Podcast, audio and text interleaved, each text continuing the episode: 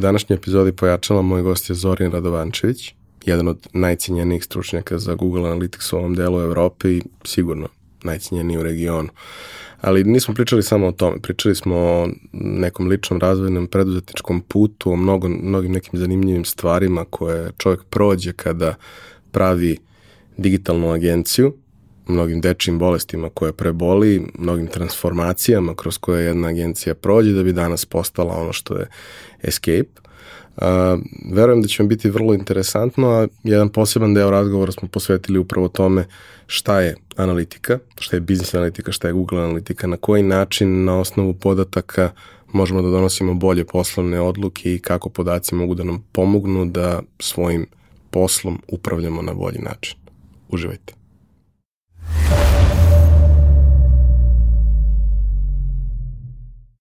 Realizaciju ove epizode podržala je kompanija Epson, koja je vodeći proizvođač projektora i štampača za sve namene, od kućne i kancelarijske upotrebe do profesionalnih uređaja koji se koriste od maloprodaje do industrijske proizvodnje. Već 20 godina u nizu proizvode najbolje projektore na svetu, a prvi štampač napravili su previše više od 50 godina. I dan danas svaki godinu ulože preko pola milijarde dolara u istraživanje i razvoj novih proizvoda sa fokusom na održivo poslovanje i očuvanje životne sredine. Upravo zahvaljujući tome, njihovi inkjet uređaji najnovije generacije prave 94% manje zagađenja od konkurencije uz maksimalan kvalitet otiska. I vaš mobilni telefon koji sada nosite i na kome nas možda slušate i gledate najverovatnije je napravio robot koji je stigao iz Epsonove fabrike. Roboti su super. Japanski roboti pogotovo.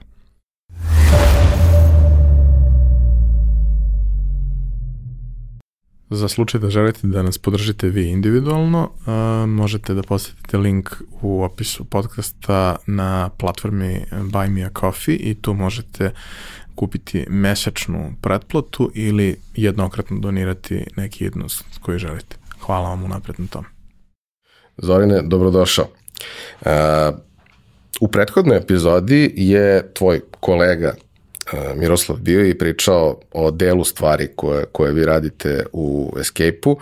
Ti si sad zadužen za jedan drugi deo cele te priče, ali cela tvoja priča sa Escape-om je priča od početka, od nastanka te firme. Pričat ćemo o tome danas, pričat ćemo danas o um, Google analitici, pričat ćemo o tome kako prosto podaci utiču na biznis odluke koje treba da donosimo, jer mislim da je to veoma važno da danas zapravo imamo mnogo više podataka i informacija na osnovu kojih možemo doneti bolje odluke, možda ne uvijek idealne, ali bolje nego što donosimo, ali kako to biva sa svim mojim mhm. gostima, mm moram te pitam istu stvar koju pitam sve njih i to je naše čuveno mančmelo pitanje. Šta ste da budeš kad porasteš? Ništa konkretno, zapravo se to mijenjalo kroz godine. E, ovaj, i to sad kad gledaš u retrospektivi nekoj, znači šta se događalo i sve. Jer par navrata, to su ono kao srednje godine, pa onda si razmišljaš ono šta si trebao raditi, si mogu raditi sve. Um, prva stvar je bila glazbenik. To je bila prva. Znači glazba je bila ona ja neka prva ljubav, ali baš ono da se nešto zagrizeš u to. I to je trajalo čitavih, ja mislim, jedno 15 godina, ali tak nešto. Na, to je bila ozbiljna svirka, većinom rock, tak, takve neke stvari. I čak i klasična glazba, jazz što je bio ono ovaj, iskorak, jer neke stvari vremenom onako kao, kao da prerasteš i onda pokušavaš naš novo. I onda sam zapravo shvatio da je meni uvijek bila ta neka cijela priča oko toga. Ako nije novo, ako nije zanimljivo, onda miči, onda jednostavno te to neće tjera da ideš dalje. A, tako da je taj moj put recimo do ove analitike, ovo što sad, ovo što sad recimo to radimo, je bio dosta sklizak. Znači možete to ovako zamisliti. A, glazba, Flash, design i onda analitika. To je bilo kao ono šećer na kraju, samo što je sad stvar, što sad čekam, samo što je sad sljedeća stvar, jer vrlo vjerojatno da analitika neće ostati cijelo vrijeme, mislim, vrlo vjerojatno u tom obliku nekom hoće, ali mora biti nadograđena još neće.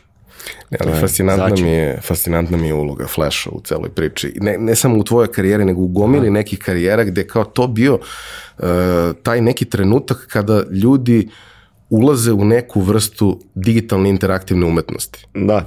Je, bilo jako zanimljivo. E, kao, ono, kao web alat je bio užasan na, sve načine, ali kao neka mogućnost da ti po prvi put napraviš nešto što je stvarno interaktivno, da. što stvarno multimedijalno i radi zanimljivo, ok, treba mu vremena da se učita Sada daje lapa, ali možeš da staviš preloader pa znaš koliko da, mu treba. Kao to je, to je zapravo bila ulazna stepenica za mnogo ljudi koji su danas završili u nekim mnogo zbiljnim stvarima, gamingu pre svega, muzici, tom nekom delu e, 3D, multimedije, vizualnih efekata i toga, ali naravno i ovim nekim ozbiljnijim stvarima kao što je neko naprednije programiranje ili, ili e, data science.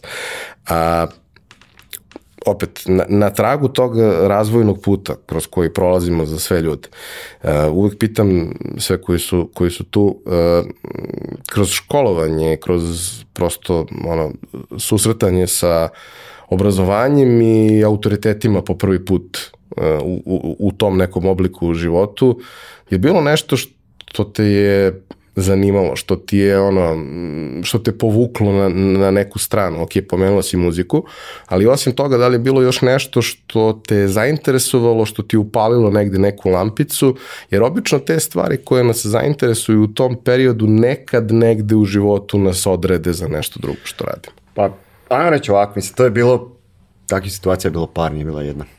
Ovaj, I mene su dva neka osnovna trenutka, to se sjeća mene knjige koja je bila vezana za dizajn, jednog profesora koji je bio vezan baš za glazbu. Gdje je bila situacija da, ono, znaš ono kako amerikanci kažu out of the box ili ono, neke stvari što dosta kao floskula, ono, poznata i svi to kažu da bi trebao raditi. Ali kad vidiš to u primjeru, kad vidiš doslovno, mm, u glazbi je to baš bio taj jazz dio gdje mi koji smo kao klasičnu gitaru, klasičnu glazbu koju smo učili, onda ti oni otvaraju doslovno vrata da i neke druge, ajmo reći, varijacije, improvizacije možeš koristiti da bi u principu ispričao istu rečenicu.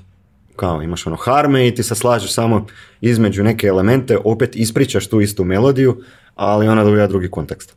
Dakle, ne mora nužno biti nešto strašno izvan okvira, ali sa malim pomacima ti doslovno možeš promijeniti čitav kontekst oko sebe, percepciju zapravo na kraju, ono, u glazbi je to bio osjećaj, pa sve ono dobiješ, dobiješ drugi paket, proizvod zapravo kao neki dobiješ. I sa tim malim stvarima, malim inkrementima što zapravo radiš, oni ne moraju nužno biti nešto radikalno, ali ti možeš doslovno doći do nekog boljeg rezultata. Dakle, mali, male pomaci, ali jasni. Mislim, ono, da ti shvatiš zbog čega to radiš, da opet postoji neki kao framework unutar kojega radiš, da ne bi izašao previše van. Jer na kraju krajeva u glazbi ti moraš isporučiti neko djelo koje će na kraju neko konzumirati, na osnovu kojega će onda ili htjeti opet poslušati kao repeat customer nešto ili će jednostavno zaboraviti na to. Druga stvar koja je meni bila strahovito bitna je bio jedna knjiga, mislim da je bila Miller Brockman, Breaking the Grid. To je jedna stara knjiga, ja mislim, njema, švicarac ili ne znam šta je to bilo, znam da je bila ovako debela knjiga crvena. I on je u nekoj teoriji dizajna bilo zapravo samo slaganje, slog, zapravo dizajn slog, znači kako imaš na stranici, kako ti zapravo koristiš mrežu u dizajnu da bi radio, ajmo reći, fokus na neke elemente. I onda kako radiš grid, to je bilo isto kao na webu, ako se sjećaš još od prije, što je bio onaj 960 grid, uh onaj, znaš, znaš kako se radila web stranice pa slačiš elemente i slično. E, ova knjiga je bila prije toga, tako da meni kad je došao taj grid, meni je to bilo super, ja sam se naučio na njega strašno. I prva stvar što mi je bila zapravo kao ono, neki klik u glavi je bilo kako ti zapravo možeš koristiti ta pravila da bi samo izlazio izvan tih pravila bilo koji element koji ide izvan tog nekog grida, on će zapravo napraviti neki fokus, jel ti si istrenirao, znači ono, stupce, kolone i sve, ljudi prate kao taj neki ritam, ali čim neki element izlazi van, ti zapravo ostvariš da taj ide fokus prema van. Nebitno da li je on negativan ili pozitivan, ali napravio si ono što čovjek ne bi očekivao i onda kako koristiš zapravo ona pravila da bi to napravio da korisna pažnja zapravo ode u sasvim jednom drugom smjeru. Samo takve neke sitnice. I to manje više smo i mi, čak u firmi, sve te skupa stvari kasnije počeli koristiti, da doslovno onda znači ako imaš pravilo, to Miroslav jako voli zapravo raditi, to je njegova škola i mentorstvo, gdje on ono, ok, mi svi koriste alat na jedan način. Zbog čega mi ne bi njega prenamijelili na način da on nama odgovara, da mi iz njega izmuzemo najviše što možemo sa baš takim nekim pomacima gdje mi zapravo dobijemo onaj neki maksimum. Dakle, koliko god, koliko god je ta mreža super, ono, uvijek moraš malo negdje ispast van. I mene to zapravo vuče od toj priči, čim nema novo, čim je nekako lotečina, onda to... Mm, da, fascinantan je taj moment da ono, mi, mi svi koji smo kao digital nativi, ovaj, mislimo da je sve počelo sa nama, Ajde, ovi mlađi još, oni baš misle da je sve počelo sa njima, mi ajde i džene, znamo da je bilo nešto pre nas možda. Ovaj, a ti onda uzmeš i istražuješ neke stvari i shvatiš da većina toga o čemu mi danas pričamo je bila poznata pre 70, pre 100, pre 200 godina, zavisno od toga koja tehnologija je u pitanju, ali to kao vizualna komunikacija, da ti pažnjom eh, svog čitaoca možeš da upravljaš kroz neke paterne izlaze, izlaske iz paterna, to je nešto što u grafičkom dizajnu postoji 100 godina. Davno, I e, tada nisi imao mogućnosti koje imaš danas da neku stvar animiraš, da je pokreneš, da joj dodaš nekakvu, da. stanja ili bilo čega. Tada si to morao da, to da uradiš jednostavnom slikom, najčešće crno-belom sliku. Da, da, da. Imao si mnogo manje alata na raspolaganju, a i dalje su ljudi radili neverovatne stvari. To je onaj moment gde, gde kao, uh, ako hoćeš da naučiš nešto o fotografiji, ima mnogo načina kako to možeš da radiš, ali u principu sve što je potrebno je da pročitaš one neke stvari koje je se Adams postavio. Da, da. da, ali to je crno-bela fotografija, a kako se razlikuje tačno ova u odnosu na nju. Ako znaš da kaderiraš jedno, znaš da kaderiraš i drugo. Ako znaš da, da postaviš stvari da dobro izgledaju što se tiče kontrasta i svega, crno-bele, pa sigurno će da, dobro ono i Nije, baš, nije baš filozofija neka preterana. Um, pomenuo si da je bilo još trenutaka koje su ti, još stvari koje su te povukle? A mislim, ova dva su mi bila, ajmo reći, čak onako, ono, jer tog se baš sjećam, na neke stvari ti se baš ono, zapeknu, znaš, s tobom, onda čak i kad dođeš neku situaciju pa se sjetiš samo toga. A, nije trenutak, ali osoba, sigurno što se tiče posla, bilo je par osoba, recimo, kroz posao, u principu, koji su baš pokazali na koji način se može raditi, da li pristupom u komunikaciji, da li prodajnim vještinama, da li znanjem, ako ništa drugo, ali uglavnom pokazali su ono do koje razine možeš ići napravio, u kojem smjeru to treba se skupa raditi.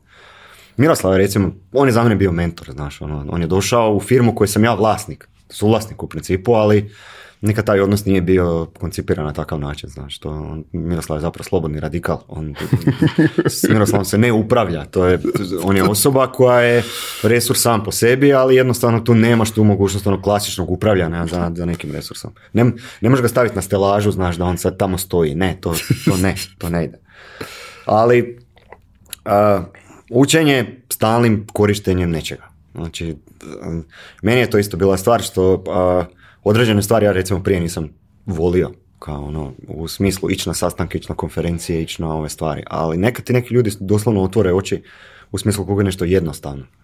Dođeš na konferenciju, mi sad imamo recimo problem sa mladima, oni dođu na konferenciju, ona se drže svoje te neke skupine, plemena se drže. I, i ovaj, onda je jako teško ih je otvoriti prema drugima. A, razloga može biti više.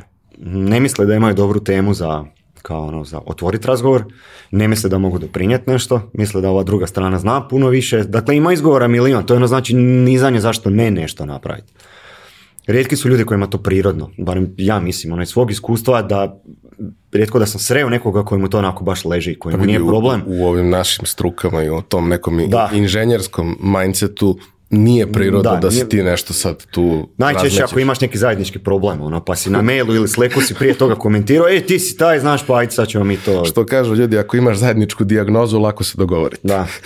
Mislim, nije sada reklamira, meni je uvijek bilo najlakše, ono, prije kad sam bio još dosta mlađi, onda uvijek pušači, znači, to je, to je prva linija obrane, znači, ti izađeš van, tražiš nekog ko puši, je imaš vatre, imaš dva upaljača u džepu, ali svejedno natražiš pa se onda upoznaš ljudima. To je, to je bilo, ovaj, to je bio trik, ja mislim da to čak Miroslav mi pričao, ali ili, je primijetio da mi to najčešće radimo.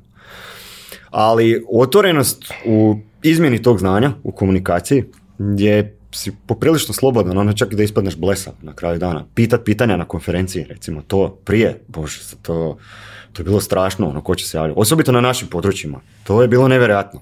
Ili dobiješ pitanja kad te neko hoće nagazit, znači da hoće istestirat, istestirat tvoja znanja, iskustvo do granica, ili ono, neće jednostavno pitat. Pa ono, znaš, ono cimanje, aj, pitaj, pitaj. ne, ali da, najgori moment sa, sa, tim stvarima mi je isto dešavalo mnogo puta i prosto rekao sam u nekom trenutku, posebno na tim nekim ono, besplatnim predavanjima, javnim i tako dalje. Pitajte me sad, dok sam na bini, možete dobiti odgovor na što god želite. Kad siđem sa bine, nemojte da pređe vaš 50 da svako od vas ima podne pitanje. Ne mogu, nemam vremena, nemam živaca, i nemam energije da sa vas 51 na 1 prolazim neke stvari. Ako vam je dovoljno važno, dignite ruku sada pred svima. Pobedite i tu sramotu, razumem je potpuno, ja sam introvert, ne želim nikad da se javim, ali ako mi je dovoljno važno, pa javit ću se pobogu. ako nije dovoljno važno, onda ima jedan jako lep filter da smanjimo tu interakciju da, imaš vremena ista, skoro uvek bude ista priča. Nekad se neko javi stvarno, sa nekim od tih ljudi ostanemo u kontaktu, postanemo prijatelji, krenemo da radimo zajedno, godinama kasnije. Ali u 99% slučajeva zaklopim laptop, stavim ga pod ruku, krenem da silazim, prilazi 30 ljudi. Ne, ne, mislim, nisam ja, nisam ja džukela, nego jednostavno ne. Postoji količina energije koju sam spreman da odvojim i postoji trenutak kada kažem, e, stvarno ne mogu više. Treba mi malo mene da ostane iza mene. Da, jasno. Pa, u nekom trenutku je to, to prosto tako. A taj moment sa, sa, sa konferencijama i druženjem, mi smo, kažemo, godinama u, u raznim sastavima i sada to radimo na neki način, dobro je sad bila korona, pa jebi ga, ali u ono, prethodnih 15 godina smo pravili razne vrste događaja i često nam se dešavalo da prosto, ok, stručni deo toga jeste važan, ali ne pravimo mi to zbog struke. Pravimo i zbog toga da tu nešto čuješ, vidiš, prođemo neke trendove, predstave se neke zanimljive stvari. Ali u suštini pravimo to da se vidimo, da se ispričamo, da se upoznaju neki novi ljudi, da omogućimo nekim ljudima da uđu da. u tu neku zajednicu. Da... I dešavalo nam se par puta, to mi je onako baš bilo, frustriralo me do nivoa da sam seo da napišem tekst o tome. Vodič za upotrebu konferencije. Gde mi napravimo konferenciju gdje imaš, ok, imaš predavanja tokom dana, imaš pauze za između predavanja koje su veliki, imaš ručak zajednički, švedski sto, imaš žurke posle i posle konferencije sad ide evaluacije i većina ocena su jako dobre, ali ja čitam sve evaluacije, stalo mhm. mi je. Znači, imali smo 950 ljudi, ne znam, 400 je ocenilo, ja sam sve pročitao. I čitao sam sve ljude koji su seli, pošto imao ono, comment box, da napišu svoje komentar. nekoliko ljudi možda dvoje, troje, nebitno, nije, nije veliki broj, ali je i dalje indikativno, napiše e, nije, nije bilo organizovano vreme i prostor za networking. Eko, bilo koje vreme, da, da, bilo koji prostor, tu su ljudi, napravili smo vam dovoljno opuštenu atmosferu, ali ja razumem da je ljudima frka, i jeste možda lakše kada neko dođe i uzmete za ruku i odvedete i kaže, e, ovaj je baš super, pa je sad vi se ispričaj. Ali život ne funkcioniše tako. Da. Ne možeš da očekuješ to od života. Ako ti je važno, moraš nekako da pobediš to u sebi. Koliko god ti bilo neprirodno. Da, ima taj onaj što e, forsiraju onaj speed dating kao business speed dating, pa onda se tamo moraš pripremiti, pa onda imaš te elevator, neke pičeve, pa ovake neke stvari. Ok, ali to je usiljena neka forma, to ono znači ti sad moraš tu nešto napraviti ja ne preferiram taj recimo dio, to svugdje na tim konferencijama bježu od toga kod vraga, jer ta osoba se neće sjetiti toga, uglavnom tu imaš veliki je loša je stopa konverzije tamo, znaš, jel, jel svi bi htjeli konvertirati. I stalno imaš taj moment, da, bar se meni tako čini, mislim, ja, ja redko kad bilo šta prodajem, bilo kome, mene ljudi uglavnom cimaju kad im nešto treba, ne moram ja ništa da radim, ono, neku direktnu prodaju, ali nekako mi se čini iz razgovora sa svim tim ljudima da, e, skoro je to jedan moj prijatelj jako dobro definisao, ovaj, kaže, postoje te osobe koje kad pričaš sa njima, njima mozak radi samo kad oni pričaju. Da. On uopšte ne sluša šta ti pričaš. Njemu je mozak 200% fokusiran na to šta će on da kaže, što je okej, jer to jeste važno. I Ali u onom periodu kad ti odgovaraš, daješ feedback, nešto, njemu mozak ugasio potpuno, valjda se odmara za ovaj drugi deo i uopšte, neš, kao, iskoristi 20% onoga što je dobio kao mogućnost. Jedna smjena ulica, kao, ono, da. To... Mm. Ja kapiram, jeste to, jeste to stres. Kad ti neko kaže imaš 30 sekundi, ja dok razmislim, meni prošlo tih 30 sekundi. Najbolje pjevaš popiš taj, ono, 3 sekunde, barem malo ono, od, odmorit i onda možemo dalje. Da. Ne, tu neki smisao. Ali sad si sjetite nešto što si me pitao sad prije, još par trenutaka koji su bili jedan od možda bitnijih trenutaka u cijeloj priči. I bila ona kriza 2008, 2009, 2010, ono, kad je sve zaronilo, cijeli svijet je ono, depresija, velika. I, ovaj, I nije sad tu stvar sama po sebi, znači, ko je koliko zaronio, Znači, ono, šta si napravio kad si ronio. To je puno bitnija bila zapravo stvar. Jer mi smo imali dosta onako tešku situaciju kad moraš ono, to je bilo pred zatvaranje, doslovno pred, pred zatvaranje. A, jer baš je bila ta stvar da smo se bavili sa mm, onim poslom koji je u tom trenutku bio najlakše za otpisati. Znači imaš uslugu koja je ono bye bye. se Ko će sad webove kad ne možeš prodavati, ne možeš prodavati, nema novaca, nema likvidnosti, nema, nema ničega. A nas je to strašno baš pogodilo. Ja mislim da smo onda pali sa nekih 18-19 ljudi na troje Zapravo smo ostali Miroslav, Damir, ja sam u firmi. I to je bilo jako lijepo vrijeme zapravo.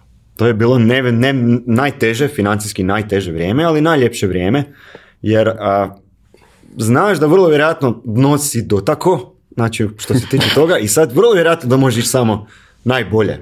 Mislim, ide prema gore negdje.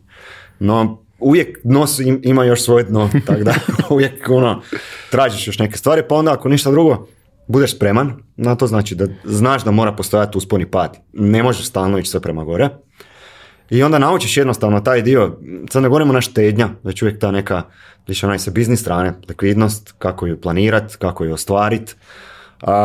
koji su to neki indikatori koji prije nisi uopće pratio, recimo sad su ti postali strahovito bitni. I ono što mladi, znaš, ono sad vide, mi rastemo, rastemo, rastemo, ali um, oni koji su više u biznisu, koji su stariji, oni znaju da uvijek u jednom trenutku mora postati kontrakcija. Znači da mora negdje biti ona distribucija te cijele priče i da će se raspršiti taj novac i da ćeš opet morati, morati ići u taj neki ciklus.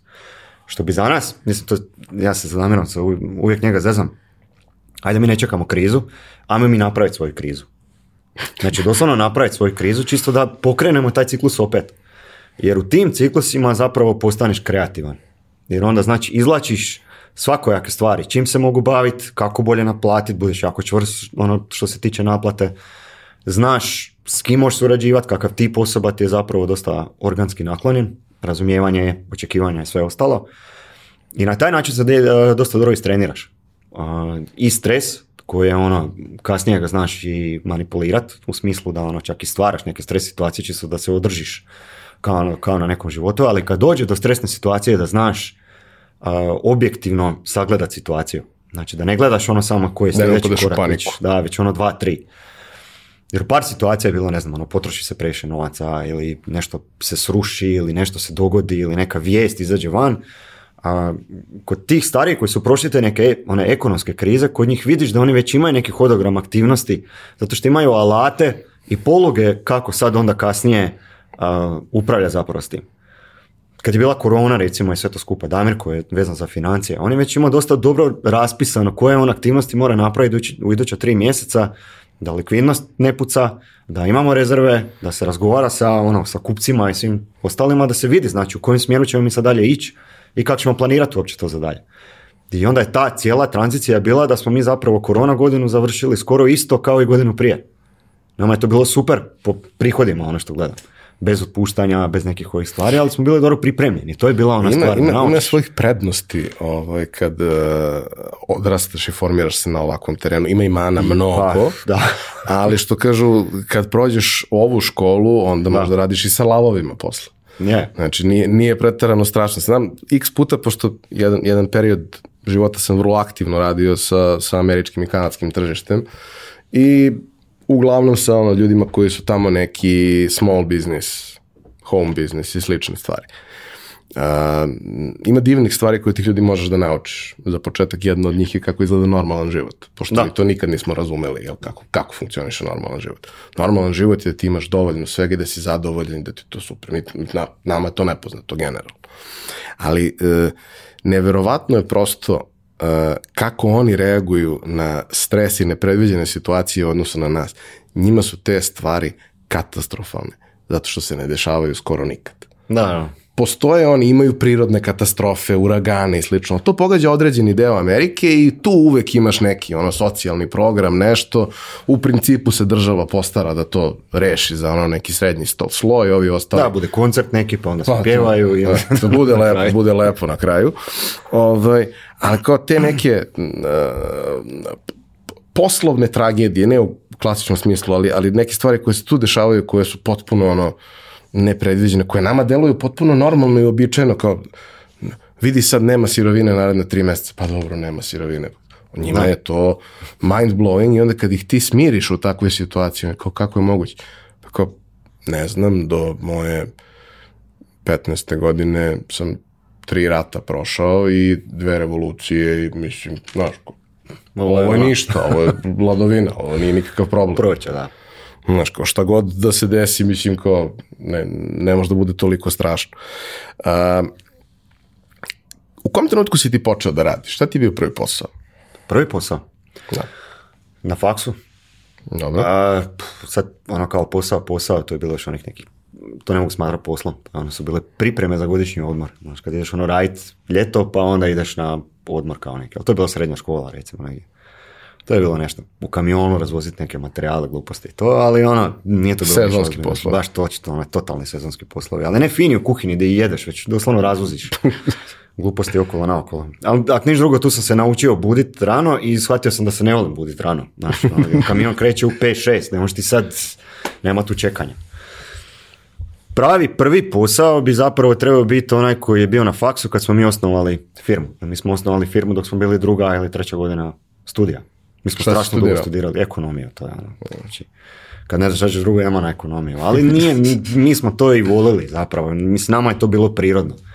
Mi se nismo nikad zvali poduzetnici, jer mi nismo to forsirali taj dio, jer za poduzetnika bi trebalo biti više, ja, ja gledam šta je poduzetnik, ja mislim da je to serijski poduzetnik. Znači ti otvoriš firmu, dovedeš ju do određene faze i onda se baviš nečim drugim, znači drugi projekt to je nešto što ono, gledam kao poduzetništvo, ali ti možeš biti ono, interno poduzetnik u firmi pa imati nove projekte i slično, ali to je više kao poduzetničko razmišljanje. Ali zanimanje poduzetnik, ja mislim da je to nešto drugo. A, I što se tiče tog našeg projekta, mi smo zapravo iz demonstrature, ali smo bili demonstratori manje više svi, ili informatika, ili marketing, ili nešto, mi smo zapravo shvatili da mi imamo šta za ponuditi. Kao, I onda u tom trenutku su to bile web stranice. Mm, mislim da su bili Tomislav, Damir i ja smo onda bili demonstratori. A, Tomislav je sad vlasnik Inčua, on je više to onaj programerski dio. Damir je još uvijek sad u Escape-u. on je više financijsko-programerski taj neki dio, a ja sam više bio kao taj neki kreativni, blesavi dio, znaš, Mene to, mene to sve bilo zabavno za raditi, ono, kao flash, pa ne znam, in design, ne znam, takve neke stvari, znaš, krivulje, vektori, sve se to ne šmiće, bilo mi je zabavno to zapravo za raditi. I mi smo onda počeli raditi kao nešto za faks, pa za jedan hotel, ja mislim da je bio i diplomske studij. I onda je bila ideja, ajmo mi otvoriti firmu. Znači, ničim izazvani. Bilo je to vrijeme, ali čisto smo se mi osjećali spremni.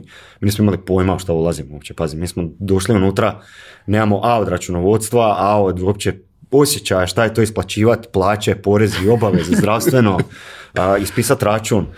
Nama ti je prva bila prvi onaj gaf, ono što smo napravili, baš je bila cirkus je zapravo bio. Mi smo sazvali sastanak sa jednom našom klijenticom koju uopće nismo napisali na pismu.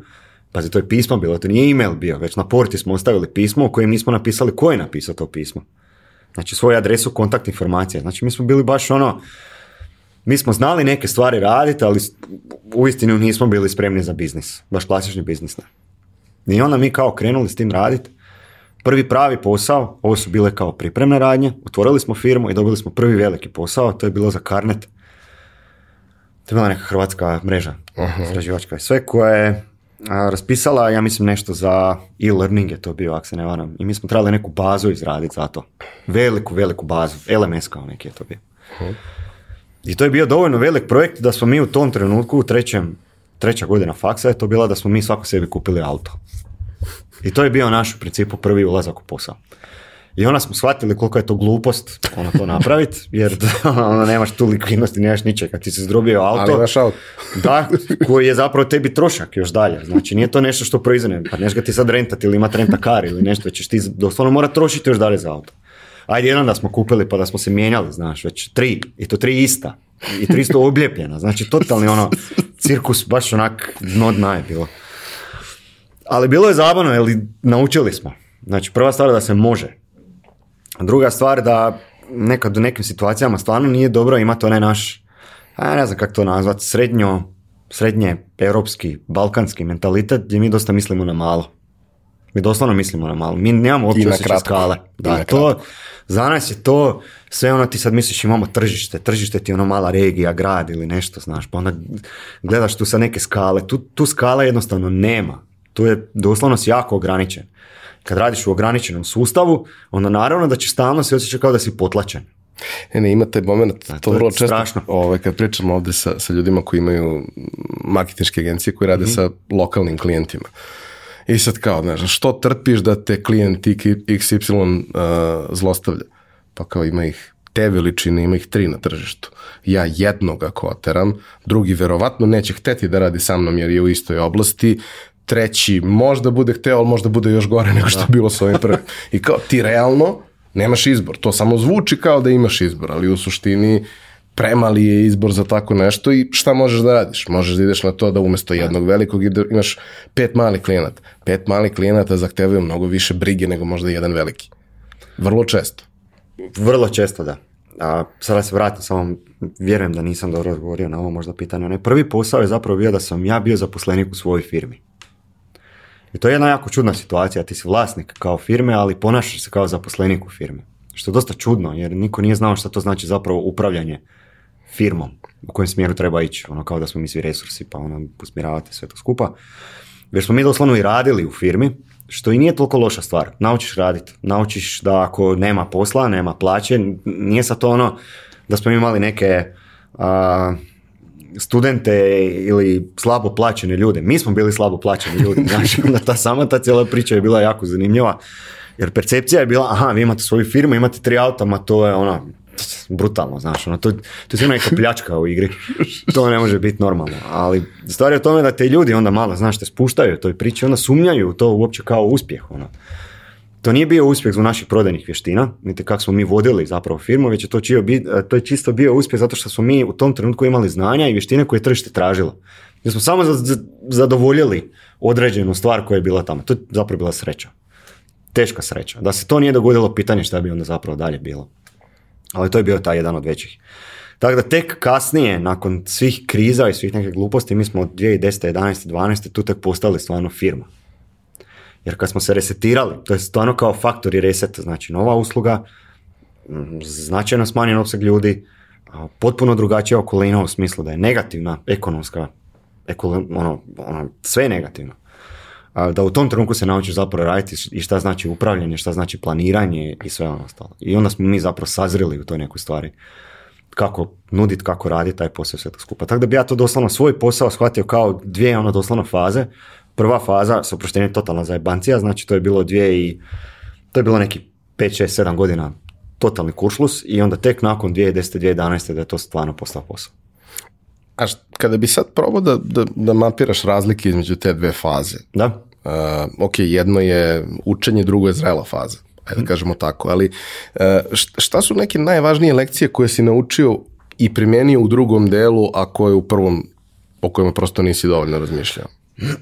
Prva stvar, to je s moje osobne strane, sad ne govorim za firmu, a prva stvar, odluka je nužna. Kako god da je, mora se napraviti. Znači, bilo kakvo odugovlačenje, bilo kakve stvari što imaš na tapeti, ako se dogodi, to je znači samo trošenje svega. To stvara zamor materijala, jer nam to stvara dodatni stres, frustracije i sve ostalo. Jer najčešće ako ne napraviš odluku ili ako dogovlačiš nebitno je da li ona dobra ili loša, sam da se držiš toga i da imaš dobre argumente u principu za to, barem u tom trenutku, onda jednostavno to nije to. To nije pokazatelj ni dobar ni za druge, ima značajno, ima ko onaj leptir efekt zapravo za sve. To sam naučio recimo kao stvar, da je nužno napraviti odluku što kraćem roku. Nikad neš biti dovoljno siguran, da to jest a, 100% siguran da imaš sve varijable a, i moraš znati kad je ta neka baza. Znači kad si zadovoljan sa informacijama koje imaš da možeš napraviti neku dobru odluku. Kad je dovoljno dobro. Da. Jer onda u, toj situaciji ti čak i kad nemaš onih 100%, ako napraviš neku odluku, saznaćeš šta se zapravo događa. Znači moraš nešto pokrenuti da se dogodi i bolje je biti aktivnim sudionikom u tom procesu nego pasivnim. U smislu čekat da se nešto dogodi i onda doslovno te sve dočekati ispušteni gaća i onda šta, znaš, onda to jednostavno nije onda tvoja odluka, nije, ti ne sudjeluješ u tom cijelom procesu. Ti trpiš i taj pasivan oblik je užasan. Zapravo onda Mm, moja situacija i moje gledanje je zapravo zato da se uvijek izdvajam u tom smislu da budeš aktivni sudionik nečega, a ne pasivni sudionik. Meni je to zapravo ono što, da ne čekam da mi se nešto dogodi, već da u principu pokušam da ono, vidi šta će biti zapravo Ne, kažem da uvijek uspjevam. Najgori je recimo meni primjer da je to mm, i najveći izazov, ja mislim da nije analytics, nije, nije oglašavanje, nije marketing, čak nisu ni klijenti kao takvi, već interno zaposlenici. To je mislim da je najveći izazov za sve. Neki to imaju, ja mislim više urođeno zbog nekih vještina vjerojatno koji imaju, možda čak imaju neki ono, plan, okvir kako postupati u određenim situacijama, ali za neke to predstavlja dosta velik problem. Osobito ono kako uskladiti želje, očekivanja sa mogućnostima, pa usmiravati ljude, voditi ljude, to. Mislim da je to čak najveći izazov, osobito za firme koje, ono, koje su slične našima. Agencije. To ljudi su tu, resurs zapravo koji ti imaš, a upravlja se tim resursom strahovito teško. I to su te dvije stvari koje, pardon, to su te dvije stvari koje ja gledam zapravo da u onom prvom dijelu ja sam se više bavio sobom, znači ono kao svojim vještinama, svim tim stvarima koje imam.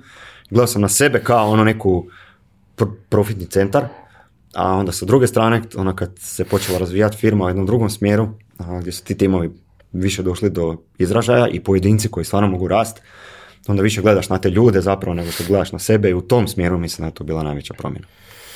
Postoji taj trenutak zapravo u svakom biznisu, taj moment sazrevanja gdje biznis owner e, prvi put dođe u situaciju da, da shvati to da njegov posao više nije samo to da se bavi proizvodom i sobom, nego mnogo više mora da se bavi ljudima. Sad zavisi kako organizuješ stvar. Ne moraš ti možda da se baviš svim ljudima, ako je mala firma moraš jer nema ko drugi, ali u nekom većem sistemu ti moraš da se baviš ljudima koji se bave ljudima, da. postoji nekakva hjerarhija. Ali taj nivo sazrevanja, um, vrlo često, uh, vrlo često biznisi koji imaju potencijal da budu jako dobri, nikada ne dožive to da postanu dobri jer čovjek ne može da pusti. Da. A nema vremena i za jedno i za drugo, nema resurse i za jedno i za drugo ili nema sklonost za, za ovo, nema people skills. Mislim, ja nemam people skills jer sam introvert, ali naučiš vremenom neke stvari i shvatiš možeš ti da ne želiš da komuniciraš, ali količina problema koja se akumulira vremenom ako ne komuniciraš postane mnogo veća od te neprijatnosti da Prevaziđaš ovu, ovu barijeru koju, koju imaš. E, nekako mi se čini i iz razgovora sa, sa e, Miroslavom i, sa tobom da e, ni vama takve stvari ne dolaze prirodno nego da je to nešto što si morao da, da naučiš kroz vreme, što si morao da ugradiš u sebe, na čemu si morao mnogo da radiš dosta, ali što je najgora stvar, mi tu nismo radili ono što smo trebali, ja mislim, napraviti. A stvarno je bilo kao logičan izbor. Sad, zašto nismo, to je sad je stvar preispitivanja i vjerojatno ono, nakon deset godina ćemo možda shvatiti zbog čega ne. Ali to je baš bila ona situacija, to je dosta klackalica, ja mislim da to kod svakog poduzetnika, ono, koji nisu pametni, koji vole raditi, griješiti i ove stvari, da pokušaju sami. Jer nema kao neka logika, ono, a, firma kao firma bi trebala biti poličenje tvojih radnih navika, iskustva i svega ostalog. Znači, ako će kasnit, kasnit će, vjerojatno zbog tebe, jel ti kasniš. Ja recimo kasnim kod neke stvari, jer se prenapucam nekim obavezama, onda je teško stvoriti prioritete sve to skupa, jer onda više to nisu moji sam prioriteti, već i od drugih i onda se uvežeš u druge projekte i onda dolazi do nekog kašnja. Praviš i drugim ljudima probleme, ne samo sebi. Da, da, i to je prilično velik problem. E, ovaj, a tu treba onda znati skalirat, pa onda obaveze, taj management i sve skupa i delegiranje i sve to skupa. Čak ni to delegiranje uopće nije jako jednostavno. ono, ti ćeš delegirat stvari za koje znaš da će neka druga strana znati obaviti. Pa onda moraš imati neko snimanje vještina, da ti znaš svaki resurs šta je u stanju zapravo napraviti. A imaš uvijek i taj, taj problem koji realno svi koji smo perfekcionisti imamo, a to je ti znaš da on to neće uraditi toliko dobro kao ti. Ali moraš da pobediš u sebi taj moment da je 90% onoga što ti možeš da uradiš dovoljno dobro. Zato što si ti i dalje konačan resurs i ti možeš samo, čak i ako ne spavaš, možeš 16 sati da radiš više od toga, jednostavno ne možeš. A mislim možeš, ali neće biti dobro. pa ne možeš dugoročno. Da, to, to svakako. I u toj cijeloj priči sad ovo da li prirodno ili neprirodno, e, ideja je na početku bila da mi tu prešu ne Znači, kak ti kao osoba imaš nastup, nek to formira cijelu firmu za dalje. Koliko god je to dobro ili nije dobro. Zašto? Zato što onda u nekim trenucima ne moraš previše razmišljati o odluci da li je ona dobra ili ne. Kao ono, ne znam, osoba kad traži nešto ili osoba kad se ponaša na neki način. Ti jednostavno stavljaš to u svoj kontekst, to je kontekst neke firme i onda gledaš da li je to ispravno ili neispravno čak u nekim situacijama principijalno bi to bilo ok, ali meni to ne odgovara u tom trenutku, recimo neka osoba na način na koji komunicira, način na koji obavlja neke one svakodnevica u uredu, znaš, i čim vidiš da neko narušava tu svakodnevicu, vidiš da je to osoba koliko god je ona dobra, ono, ali jednostavno u kolektivu ona ne odgovara, meni ne odgovara, nije to jednostavno to. I to su neke sitnice s kojima se moraš boriti na svakodnevnoj bazi, doslovno to. jer ima onih to znam da je na LinkedInu je bila kao neka priča, znaš koji ljudi ono postaju na LinkedInu, da li bi ostavili osobu u firmi koja strašno puno zna, znači super developer ili sve, ali kao osoba je totalni introvert. Znači nema ono, prenosa znanja, nema, ono, neće na team building recimo ili takve stvari, znaš. Ono. Sad imao sam ja tu diskusiju sa svojim tim liderima isto, znaš, ono, kak, bi vi postupili sad recimo u toj priči, sad vi imate tako neku osobu kao resurs je nevjerojatno. Znači, pustiš ju sa strane osobi, sobi, ona radi. Znači, ono, zadatak koji daš ubije, doslovno ubije. Nema niko u firmi koji to bolje može napraviti. Ali svi s tom osobom imaju jako tešku komunikaciju. Ono, kao poluautist, recimo, da je neko sa strane i ti ne možeš s njim ostvariti po tvojoj percepciji, po tvojem iskustvu, normalnu komunikaciju. I šta se onda zapravo događa? Neke osobe imaju taj neki odmak, znaš, ono, kao, ma neću s njim ni raditi, zašto? Zato što ne mogu s njim posjeći na pivo. Znači, ali to su neke sitne stvari koje ono u tom nekim društvenim odnosima su strašno bitne. To jesu strašno bitne zapravo stvari. Ti možda to ne gledaš svjesno, ali nesvjesno, znaš, ono, nije ti čestito rođen dan, nije pjevo kad je bilo, ono, znaš, kad se torta gasila, palila, šta god. I šta s takvim ljudima raditi? Kad su velike firme, onda se to iznivelira, to se izbalancira. Kad su male firme, onda to bude strašno teško. Jer on onak iskače, znaš, iz okvira, to je ta osoba. On, on, on jednostavno nije komunikativan, nije pristupačan u principu i ne znam šta zapravo s tim. Mi smo sad tamo na fazi kad smo na sredini. Znači nismo ni jako mali više, nas ima 40, neka 45, ovisi kako sad to studenti idu, vraćaju se ovo, ali imamo jako puno klijenata, znaš, tako da taj, to je cijela jedna velika komuna. I, ovaj, ali nismo ni jako veliki, nema nas to nema nas 200, znaš, da sad imamo ono velike odjele i slično. I sad, za nas je to poprilično dosta velika klackalica šta ćemo s tim i mi sad zapravo bi trebali doći do one situacije što smo trebali puno ranije planirati, da mi doslovno napravimo onaj HR u firmi. Što je za nas kao poduzetnike strašno, znaš, šta će meni sad neko tamo pametovat, kak ja moram sad pričati s ljudima ili ovak i onak, ja moram znati šta ti ljudi žele, ja moram znati kako prema tim ljudima postupat, ja moram znati u kojem smjeru ću ih usmjeravati uopće kao? Krivo, naravno krivo. Znači, neko treba biti stručan u tom dijelu kako evaluirati osobu, da li je ona zadovoljna, jer nama kao vlasnicima ili kao recimo vojiteljima nikad niko neće biti 100% otvoren, iskren. Ta stvar ne postoji. Ja mislim da to na poslu da ne možeš očekivati. Da uvijek to bude neka uljepšana, neka verzija nečega. Ovaj, ali kad je neko u službi koju ti, ajmo reći, formiraš baš ciljem da je onako sad neću reći sindikat, ali zapravo ali zastupa prava ljudi i onda prema upravi ili nekome ko odlučuje recimo visini plaće, slobodni dani, godišnji napredovanje, ne znam i takve neke stvari, edukacije koje su isto bitne stvar od tome, da oni imaju svoj taj neki proces, mi moramo to sad jednom trenutku to prepustiti. Sad kad će to biti, znaš, to je sad ono sam pitanje vremena. Ali doslovno shvatiš da u nekim situacijama moraš to prepustiti. I što je najgora stvar, mislim se to i Miroslavu događa i meni se to isto događa, onda dobiš osjećaj kao da gubiš kontrolu. Znaš, I onda tražiš informacije. I onda jako je teška ta klackalica ono kad ideš hodnikom i čuješ da neko neš priča.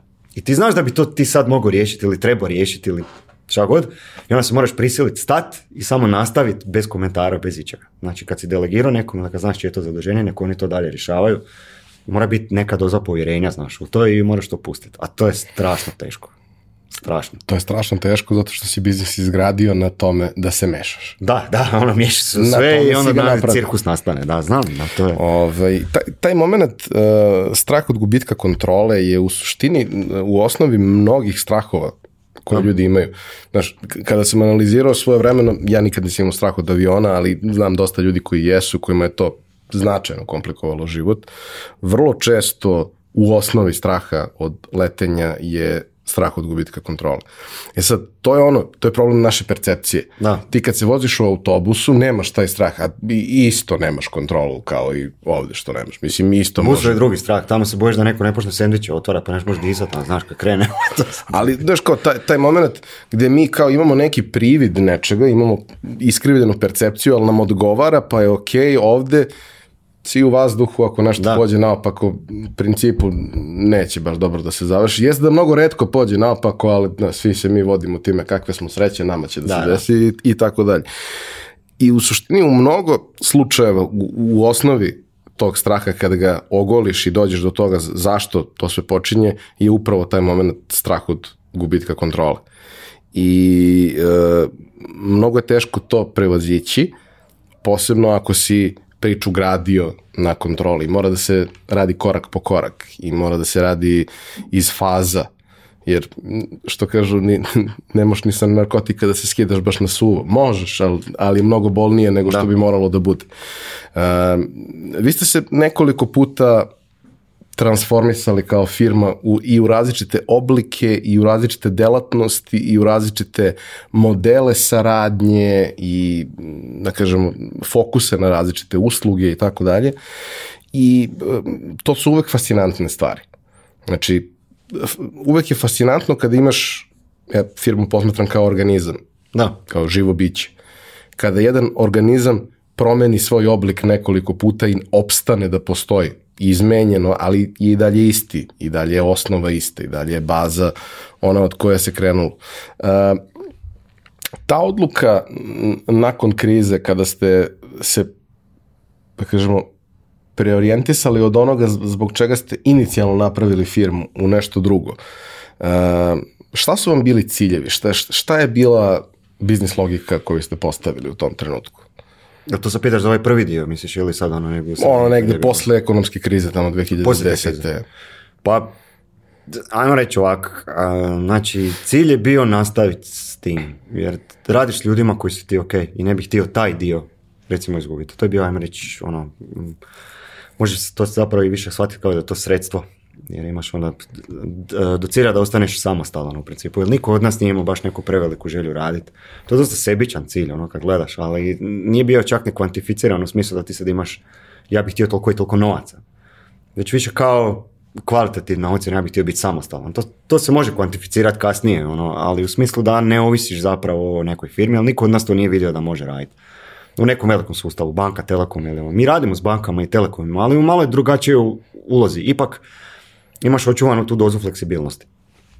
Tako da bih ja rekao ovako, cilj je znači biti doslovno ostati samostalan, ali raditi s ovim ljudima s kojima radiš, kojima vjeruješ. Zapravo to je jako teško za način. Imaš ono klasično povjerenje u ljude da će napraviti nešto na mjesto i na način, a ako i ne naprave, znaš da su dali sve od sebe da, da to naprave. I to je velika stvar. Tu onda ne moraš previše razmišljati da će te neko zesnuti ili ono. S ljudima kojima prođeš krizu, to ti je ono, to je to. To je ljude koje stvarno možeš imati povjerenja. S druge strane, može biti drugo tumačenje. Ako si s nekima prošao krizu, znači da si do te neke mjere došao. Možda to i nisu najbolji ljudi za biti, smo i doživio tu krizu, ali dobro, to je jedna druga priča.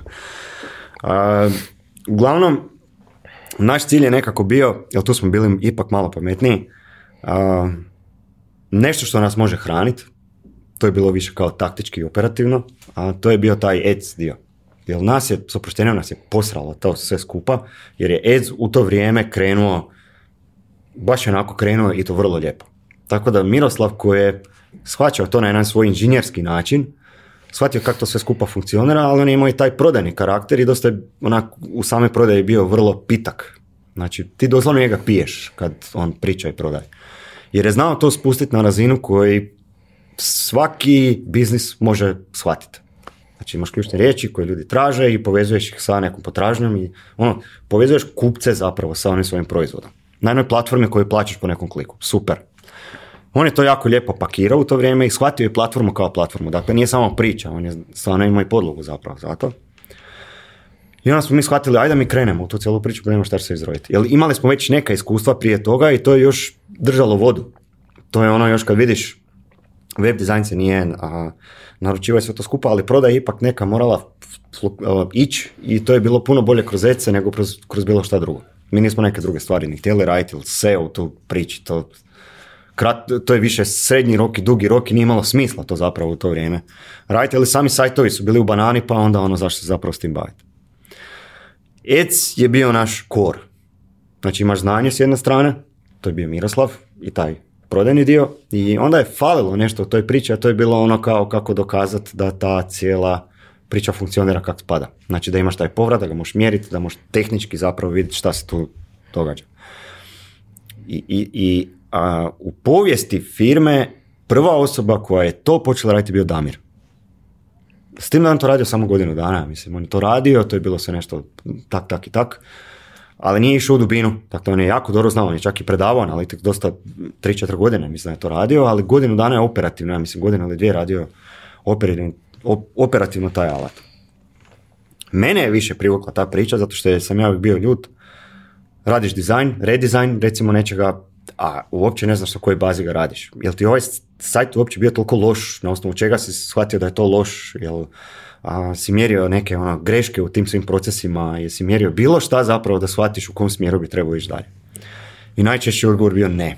Ono, znači, mijenjalo se zato što se tehnologija promijenila. Znači, bio je adaptivni, pa responsivni dizajn, pa ovakav, pa onakav, pa mobile, mobile first, pa mobile second, šta god već uglavnom tehnologija je diktirala redizajn, a nije bilo da sam zapravo da korisničko iskustvo diktiralo kako će zapravo... Ma dobro, imao si uvijek i taj moment, e, došlo je vreme da napravimo nešto novo. E i to da, svake dvije, tri godine pa i, i firma koja je konkurenti napravila redizajn, samo moramo i mi. Ili, ili čak ne mora biti ni konkurent, već recimo došla neka nova firma, reći i sad ćemo mi raditi nešto novo. Što nije bilo recimo dobro. Ali kao firma, mi smo onda gradili zapravo na osnovu te stvari šta doslovno nama treba da bi mi mogli skalirati prema gore.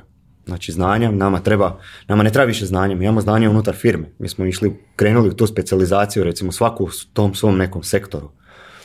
Jer je svako imao interes za tim. To nije bilo ono da ti sad dođeš u situaciju da ti to moraš raditi pa ti je teško.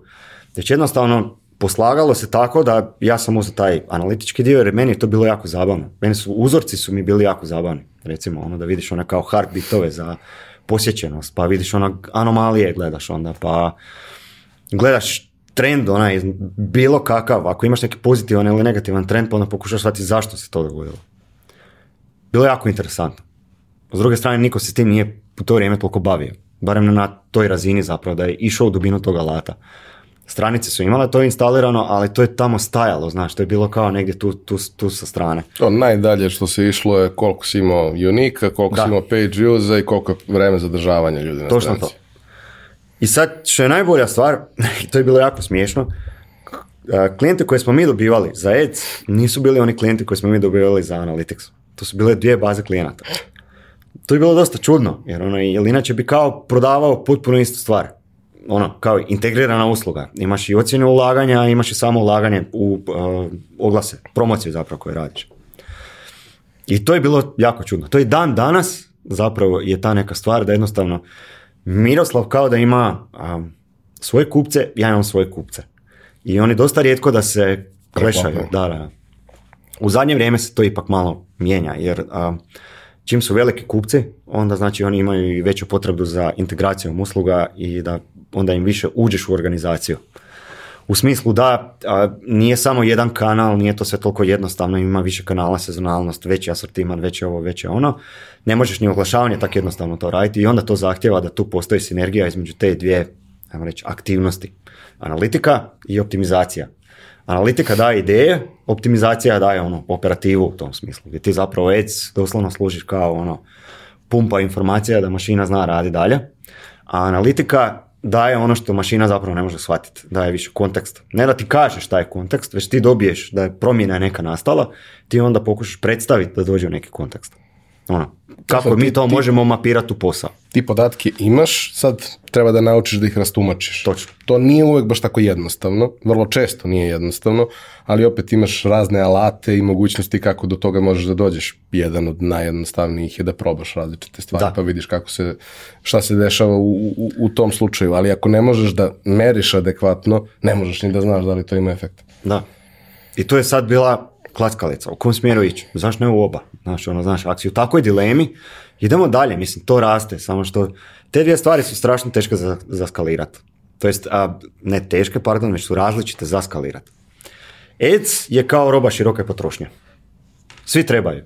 Svi. Svima je pristupačna, zato što je ulaz u samo oglašavanje je vrlo niska barijera ti moraš ima, ne znam, bilo je minimalno koliko ti zapravo moraš potrošiti da ti kreneš uopće u ECI. Bilo je to relativno jednostavno za prodat. Analytics je sasvim druga priča. Analytics zahtjeva dodatne resurse, u smislu, ne znam, imaš developera koji to mora sve skupa opremiti, pa onda imaš nekoga ko će to gledat, pa ko će to protumačit pa ko će iz toga iznijet neke hipoteze, pa ti onda ideš testirati hipoteze. Dakle, ti zapravo ne da rješavaš problem, ti stvaraš probleme.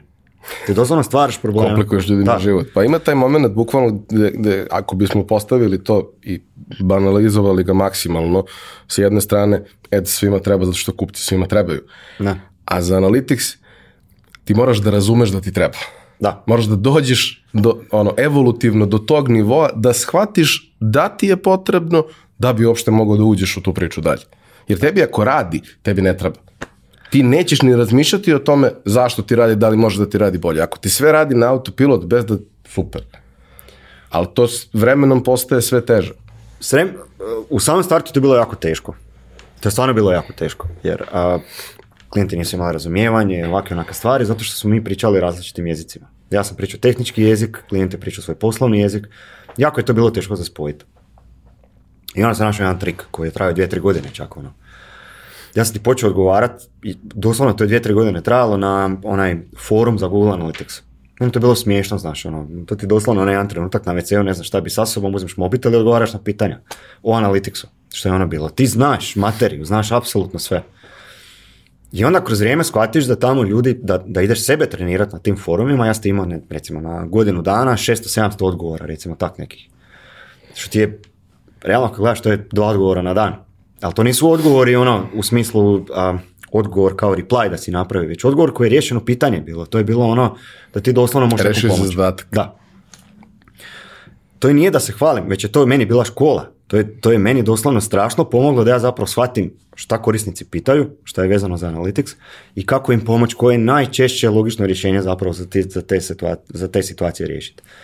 Tehnička pitanja su najjednostavnija pitanja za riješiti moraš imati malo debugging iskustva gdje može poći neka stvar po zlu. Ako to shvatiš, ti kroz godinu dana tebi je vrijeme od detekcije problema do rješenja ti se značajno smanjuje. Ti u su znaš praktički sve, znaš kako funkcionira, ne znam, web, kak nativna aplikacija. Ti znaš di su mogući problemi, samo seciraš, samo doslovno vadiš probleme van koji su najčešći i rješavaš to ovako. Dakle, postaješ puno efikasniji.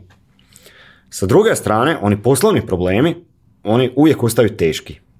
Zašto, jel ti ne rješavaš problem posla, ti rješavaš problem osobe koja radi unutar tog posla i to je zapravo prava umjetnost oko tih stvari. Jer ja sam krenuo sa tehnikalijama, ali u principu sad tehnikalije više toliko u toj mjeri ne radim. A, jer sama tehnikalija je došla do te neke mjere da je osnova je u principu, ajmo reći, poluzdrava. Dakle, znaš da svi koji koriste Analytics da ga vrlo vjerojatno koriste krivo ali znaš koje podatke možeš izvući van da ipak ima neki smisao i kako očistiti tu sve skupa priču. Međutim, ona, ono što je jako bitno za shvatiti, mislim kako ja koristim Analytics je uvijek u kombinaciji sa ECOM i sa drugim alatima, nikad samostalno on ne može funkcionirati. Google Trends, Keyword Planner i Auction Insights, ovakve onake stvari. Dakle, on ne može biti ko neki otok, znači da je sva istina tamo marže recimo proizvoda koje ćeš ti dobiti u pimu nekom, a ne da ćeš ga dobiti ili u ERP-u, a ne, ne da ćeš ti to dobiti u samom Analyticsu. Tamo te informacije ne postoje, strašno su bitne. Analytics je početak, doslovno početak, onda neki trend, kako ljudi dolaze, kako to se skupa radi unutra, koje su neke greške koje se događaju na stranici i slično. I ti to jednostavno pokušavaš mapirati, aha, klijent ima želje, to je moj zadatak kao analitičara, kao poslovna nekog savjetnika shvatiti. Znači, koje su tvoje želje, koja su tvoje očekivanja da ćeš ti napraviti, ne znam, u idućih 3, 6, 9, 9 mjeseci. Ne 5 godina. Mene, mene ne zanima ono gdje ti sebe vidiš za 5 godina. Već ono, kraći neki rok, kraći do srednji rok. Ja po analitiksu mogu znati da li ti uopće do toga možeš doći ili ne. U smislu, da li imaš dovoljan volumen korisnika, da li ti stranica kao stranica pati ili ne pati od nekih čestih grešaka koje su greške na samoj stranici, korisničko iskustvo, jel ti uopće imaš realna očekivanja znači gdje bi ti mogao biti. Ako ništa drugo, čak i u situaciji da ti znaš, recimo ono što se najčešće događa, a, ti imaš šopove koji u principu žive od brand kampanja. Znači oni uvijek imaju istu bazu kao za nešto i dogodi se značajan pad konverzija ili nešto, to ti samo znači da je tvoj brand jednostavno ne konvertira po nekoj stopi koja bi trebala inače povijesno konvertirati gore. Drugim riječima, znači nešto se dogodilo na tržištu, nešto na, šta ti nemaš utjecaj neki. A što se tiče profitnih poduzeća, njima je uvijek cilj skalirati prema gore. Postati profitabilniji, da li volumenom, znači u apsolutnom dijelu, znači da oni maksimiziraju profit. I onda ti gledaš po kategorijama proizvoda koje imaš, na koji način zapravo korisnik dolazi do informacije o tome, da li tu postoji mogućnost skaliranja prema gore. I onda počneš kombinirati druge alate, znači prema Auction Insightsu, ko ti je konkurencija, na kojoj si poziciji, da li postoji tu zdrava neka šansa za ići. Doslovno kao potencijal računaš firme neki. I onda na bazi toga ti doslovno kao analitičar predlažeš Dakle, ili je potreban fiks na nečemu, ili je potrebno ugasiti nešto, ili je potrebno povećati ulaganje nešto, ali uvijek mora biti neka aktivna operacija šta će klijent ili mi kao agencija šta ćemo zapravo kao daljnji korak napraviti. To je to. Znači, ako ja nekom tumačim nešto, bilo šta, a, meni je to uvijek pomoglo, recimo, kad ideš neku ideju prenijeti nekom, da imam tri osnovna pitanja koje sebi moram odgovoriti, da li je to vrijedno spomena ili ne. I zove se MBA, košarkaški kao ono. Znači mora biti novo. Znači nešto novo, zato što ako govoriš neku staru stvar, kao morate napraviti redizajn stranice, to apsolutno nema smisla. Gubiš autoritet, gubiš pregovaračku poziciju uopće i to jednostavno nema smisla spominjana na nekim sastancima. Novo za korisnika i to moraš se potruditi. B je beneficial kao, znači mora biti korisno. To je ono što je a, znači, ako radim neku akciju, radim ju da bi povećao rezultat, radim ju da bi smanjio trošak, radim ju da bi povećao broj korisnika koji su zadovoljni sa cijelim tim iskustvom, smanjiti greške, uvesti novi način plaćanja, a, ne znam, skratiti proces checkouta, recimo, neke, neke jednostavne recimo stvari. I onaj A e na kraju to je actionable. I to se čak može, moglo bi se prevesti da je izvedivo. Znači, ne da kažeš sad neke stvari ono koje nisu moguće zato što je prevelik budžet, kažeš nekom recimo vi sad sa 10.000 eura morate povećati proračun na milijon eura. Dakle, te, take stvari ne dolaze u obzir, moraš znati koja su realna ograničenja, to jest ono korisnika u smislu koliko mu je tržište, koliki proračun može dati obzirom na ukupan prihod koji stvaruje, koliki udio zapravo u ukupnom prihodu može on davati za ulaganje u marketing recimo ili slično. I onda na osnovu toga kad si napraviš te neke ne znam, 10-15 stvari naslažeš, onda doslovno radiš redukciju. Šta je izvedivo? Opet neke matrice recimo si radiš, šta je izvedivo, šta nije izvedivo, šta misliš da bi taj korisnik mogao prvo napraviti. Ali to je kao ona strategija malih pobjeda. Ideš unutra da bi stvorio povjerenje. Ako nema povjerenja, jako teško da ćeš ići na neke veće projekte. Zato uvijek onda biraš jedan manji, jedan veliki, e, to jest jedan mali, jedan srednji, jedan veliki projekt. Mali ako dobiješ, super ti je. Srednji, super. Veliki, neš nije u redu. Znači ne možeš odmah sa velikim stvarima krenuti. Znači onda vidiš i pipaš zapravo ljude s kojima radiš kol, kolike su hazarderi. U smislu koliko su oni spremni na rizik ili ne. Ali uglavnom, Kod analitiksa, zato je tak strašno i teško naći ljude koji će se baviti baš sa analitikom, znači ne sa Google Analyticsom, već koji će se baviti analitikom, znači ona... Biznes analitikom. Da, koja, koja spaja različite izvore informacija i koja uvijek za zaključak ima neku aktivnost za dalje. Znači pronaći anomaliju i onda na osnovu toga stvoriti neki ono, kao action plan za dalje. Znači koje su stavke koje mi trebamo dalje raditi da bi mi opet uvijek s ciljem maksimiziranja nečega učinkovitosti koja se može onda izraziti u nekoj metrici. Uvijek postoji taj, ta jedna stvar što kad pričaš sa, sa kažemo, ljudima koji se bave analitikom i obično se preklapaju negde ljudi koji se bave oglašavanjem i analitikom. Postoji taj moment gde ti kažeš ok, ono, ok, platiš, platiš si da radiš kampanje, ali ajde s vremena na vreme da radiš presek na dva meseca, na mesec, tri meseca, nije bitno i daj neke predloge šta da se radi. I vrlo često, kažem, stvarno imam priliku da sarađujem sa, sa ljudima koji su sjajni, koji su vrlo motivisani da se potrude u takvim situacijama i tako dalje, dobiš previše predloga. Da. Dobiš previše predloga, što je e, lepo jer pokazuje da se neko potrudio, ali je problem zato što nije prioritizovano na taj način, ok, ajde ta možemo da uradimo najbrže da nam da najviše efekta. To je nešto od čega prvo treba da krenemo. Drugo, ono što sam negde shvatio, ali mnogo više kroz, kroz iskreno, kroz uh, Facebook sistem oglašavanja nego kroz, kroz Google, ali siguran sam da, da, je slično, to je da prosto stvari koje funkcionišu na maloj skali ne funkcionišu na velikoj skali. Ti neke stvari možeš linearno da povećavaš dok nekog trenutka, u nekom trenutku to prestaje više da funkcioniš. Postoji neki cap da. kaže, ne znam, Eh, ako si kupio eh, ako si dobio 5 eh, prodaja za 50 eura i 10 prodaja za 100 eura, ne znači da ćeš dobiti 100 prodaja za 1000 eura. Možda će 100 prodaja te košta 3000 eura. Da. Možda, možda postoji neka granica gde prosto ono, ta isplativost više, pošto nije linearna stvar, ta isplativost više, više za tebe nema smisla šta onda radiš? Ne možeš samo da gledaš tu jednu opciju, nego moraš nekakve bočne prilaze da imaš u takvim situacijama ako želiš da ta stvar raste. To je ono gde profesionalac na osnovu svog iskustva, Miroslav to mnogo lepo kaže, mi, mi smo svašta naučili na tuđim parama. Mm ovaj, ti prosto treba mnogo iskustva, mnogo prakse, mnogo eksperimentisanja, da bi znao kojih pet stvari možeš da probaš. Ti ne znaš koja će od pet stvari da radi, ali znaš koje su šanse da koje od njih radi. Verovatno će u prve tri da bude ono što funkcioniš, Ali neko ko ne zna koje su te tri stvari, će da proba 50. I dok dođe do, do one koja funkcioniše, će verovatno iscrpeti i vreme, i novac, i sve.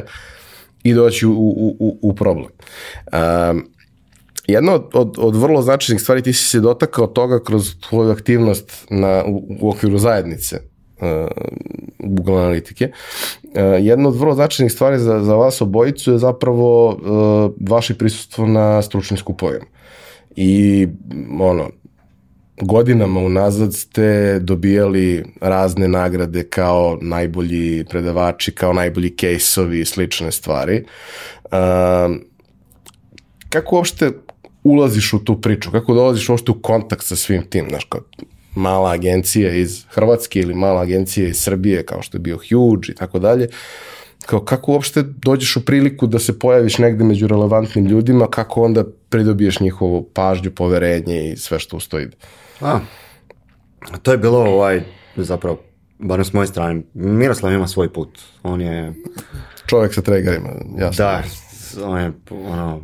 Showman totalni zapravo, samo što nema neki naziv taj cijeli pleteći cirkus, ono, ali šalim se, meni, on, meni je njega uvijek bilo, meni nikad nije dosadan za slušat ono mi bude zabavan, ja možda znam te sve stvari što on priča, ali način na koji on to servira i mm, vrlo često koristi svoj život i koristi ga na način da u principu E, se vidi da i ono što on radi, da je vrlo jedna životna priča. Znači, taj cijela promocija, marketing i sve to skupa, to su životne potrebe, to su ono, ljudi na kraju krajeva i s njima se komunicira i koristi te alate.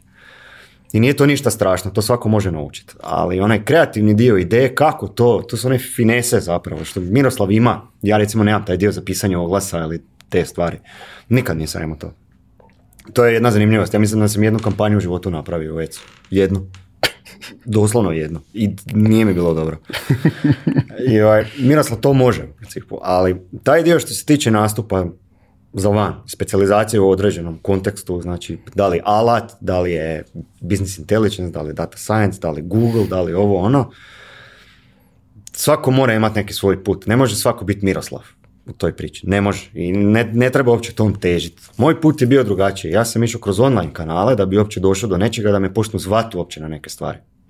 Vrlo jednostavno bilo da ja sam krenuo samostalno učiti da zato sam žrtvovao, ja mislim, godinu, dvije dana. Doslovno učit buba taj analytics, da shvatiš doslovno ono da ga rastaviš na, kao sat, sastaviš i svaki kotačić znaš zbog čega se okreće, zašto se okreće, šta ako se pokvariš. Šta da, Miroslav da je mnogo volao da rastura satove kad je bio mali, ali nije umao Da, to je ono.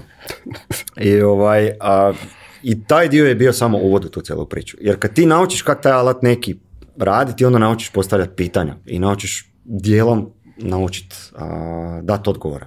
Onaj dio tehnički da, ali onaj dio poslovni ne. I onda kroz te forume koje su trali dvije, tri godine, onda su mene počeli zvati da idemo u Ameriku i u Irsku, da je bilo svi ti top kontributori na forumima, su dobili pozive tamo i onda upoznaš prvi set ljudi. Taj prvi set ljudi s jedne strane Google, s druge strane specijalisti. Doslovno specijalisti koji su živjeli ono, u cijelom svijetu, Izrael, Kanada, ne znam, ovakve stvari. Doslovno dođeš u jedno globalno selo, gdje su ljudi seljani, su svi koji zapravo znaju analytics. to je super mjesto za bit, ono. Ali to nije mjesto gdje zarađuješ. To je mjesto gdje samo dijeliš iskustva, ali daje ti u životopisu jednu crticu. Ali daje ti isto tako i pristup betama koje nisu bile dostupne svima. I šta onda zapravo radiš? Ti učiš te bete koje trebaju tek doći na tržište i ti si spreman već i za implementaciju za sve to skupa i onda se profiliraš kroz specializaciju. LinkedIn je meni recimo kasnije bio brutalan. Jer svi ti ljudi kojima sam se ja upoznao kasnije, oni su znali da ja znam riješiti određene probleme i kontaktirali su me tamo. Većinu posla što sam ja generirao, to je dosta novaca kad sam ja radio taj još dio, taj tehnički dio, su me e, kontaktirali kroz LinkedIn. Znači nikakve konferencije, ništa ovo. To je tek kasnije došlo zapravo. Jer otvorena vrata za konferenciju je bio Supervik. U na konferencija. Dakle, prva je bila kad smo miroslava Esto baš tamo došli, meni je to bilo to, znači kad te neko sasjeće u koljenima, znači ti dođeš tamo, misliš da znaš neke stvari, dođeš tamo, na te neko te satare, znači ti ne znaš di si, ali znaš u kom smjeru treba ići. To je, to je ono što trebaš izvlačiti iz tih konferencija, znači Uvjeren si da znaš nešto, dođeš tamo, oni te našamaraju, doslovno te spuste, da postaneš skroman kakav bi trebao zapravo biti. I onda nakon toga znaš vrlo dobro usmjeriti se u kom smjeru treba, znači šta, šta treba dalje čitat, na koji način treba uopće pričati o tim proizvodima, šta se na tržištu traži. I onda tamo moraš imat doslovno jaja se predstaviti i napraviti tamo predavanje. Jer ako tamo napraviš predavanje pred tom, tom publikom, ostalo apsolutno više nije ništa teško. Ništa nije teško. Jer znaš da je tamo top. Znači tamo se nikad ne možeš, ako se tamo ne osramotiš, nigdje drugdje se ne može osramotiti. Jer materija stoji. Sve ostalo je onda na koji način ćeš ju prema, prema publici van. I onda su se nizale neke konferencije koje smo mi sami radili, jer mi smo u principu morali, barem za hrvatsko tržište, mi smo morali raditi konferencije koje su vezane za analytics. Nikog živog to nije zanimalo. Ali doslovno nikog. Mi smo to radili prije sa Degornijanom, ja mislim, u Hrvatskoj i to ne mogu se sad više ni sjetiti kako se zvalo. Nije bio Hitit koji sad radimo, koji je više, ajmo reći, opća konferencija, ali opet vezana više za Google i za oglašavanje, ali prije još bilo nešto, ne mogu se sjetiti kako je to bilo, Analytics Day, Google Analytics Day, to je mislim bilo. I to nam je Google dosta pomogao zapravo toga, kod toga da mi počnemo forsirati uslugu prema van. I onda su ljudi počeli zvat, ali ono što je meni bilo puno bolje iskustvo, ne konferencija, već in-house predavanja. Jer in-house predavanja su duža, zahtijevaju puno bolju pripremu i ulaziš u dubinu problema. I radiš najčešće sa nekim realnim podacima. Da. Jedan deo je da ti predaješ deo, ali onaj deo koji je workshop, vi sedite, radite na realnim problemima sa realnim podacima. Da. Imaš uvid u biznis. Imaš tri, četiri stvari koje moraš za njih riješiti. To je ona stvar kad ješ dogovarati neko predavanje, mi ćemo provesti jedan cijeli dan, ali vi morate reći, to jest mi se moramo dogovoriti, ja isto moram slušati, to što si rekao, aktivno slušanje. Ti, oni ne moraju znati o analitiksu, oni sam ne kažu, gdje bi htjeli ići, kakav oni misle da sad trenutno imaju program ili ne, mi ćemo onda napraviti, koncipirati to predavanje da zadovolji ta tri pitanja. Znači da imamo barem kakav takav odgovor na to. Ali poanta je da velika je razlika između te dvije stvari gdje imaš onaj dio a, konferencijskih predavanja koje nikako ne bi smjela biti prodana predavanja. A jako je tu teško napraviti taj neki balans. Jer ti moraš ljude zaintrigirati s nečim, da li će biti to toliko tehnički napredno ono, da kažeš, ono, neku revoluciju da napraviš, jer pol sata ili sat vremena koliko to traje, to je, ono, to je drama zapravo za napraviti. Meni su puno teža ta predavanja od pol sata nego ona od 3-4 sata. To je, meni barem je to jako teško za raditi Ili ćeš raditi neki show, a to može Varga, ja taj dio ne radim recimo. Znači ono pol sata ispriča pet viceva, pet primjera zeca i još ne znam, o svojoj djeci priča još neke stvari, tako da on ima vremena ti pol sata manje više sve reći. On, on ima tu vještinu. Moj dio nije u principu. Čak i analytics, ja vjerujem da je strahovito zahtjevna tema za sprdac se s tim. Strašno teška tema. Ti u ECU imaš search termse, ono šta ljudi upisuju. To je samo po sebi već komedija za gledat. U Analyticsu to baš toliko i nema. Nije, nije ono tak, tak zabavan alat. Da, to je recimo to što se tiče ovoga. I kako napraviti svoj put, napraviti samo ono, mislim, to sad kao za veliku publiku. Svako mora imati svoj put. I ovi naši sad seniori koji rade recimo u firmi pitaju šta je ili kako.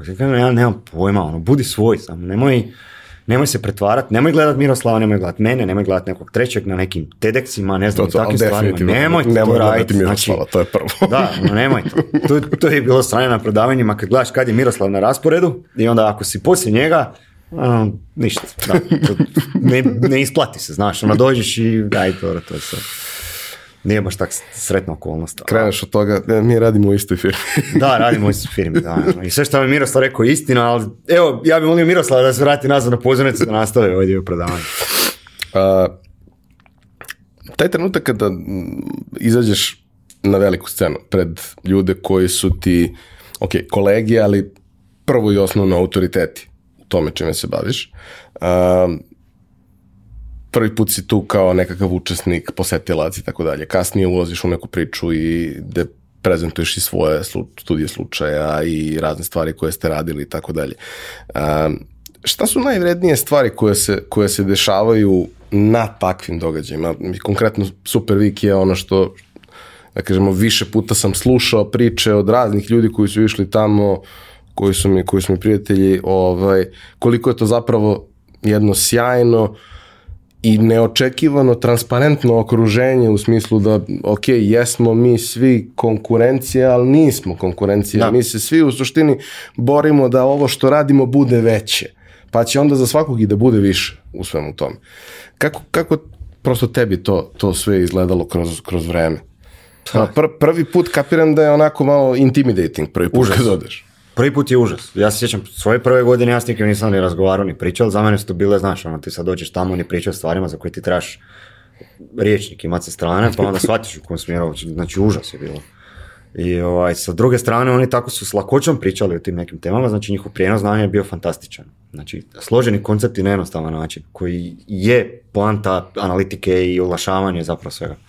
Moraš znati pojednostaviti. Ako znaš pojednostaviti, onda znači da razumiješ materiju. ako ne znaš, ako si kompliciran, onda, nije to to. To je test uvijek. To kad pitaš nekoga da ti objasni neki jednostavan koncept, čak u analitiku, recimo metrika neka ili dimenzija neka ili izvještaj neki, ako to nije dvije rečenice, ako ne znaš da objasniš da, da to od 7 godina, to je jednostavno, nije to to. I taj dio, taj prvi dio je bio jako dobar intro, jer doslovno te postidi.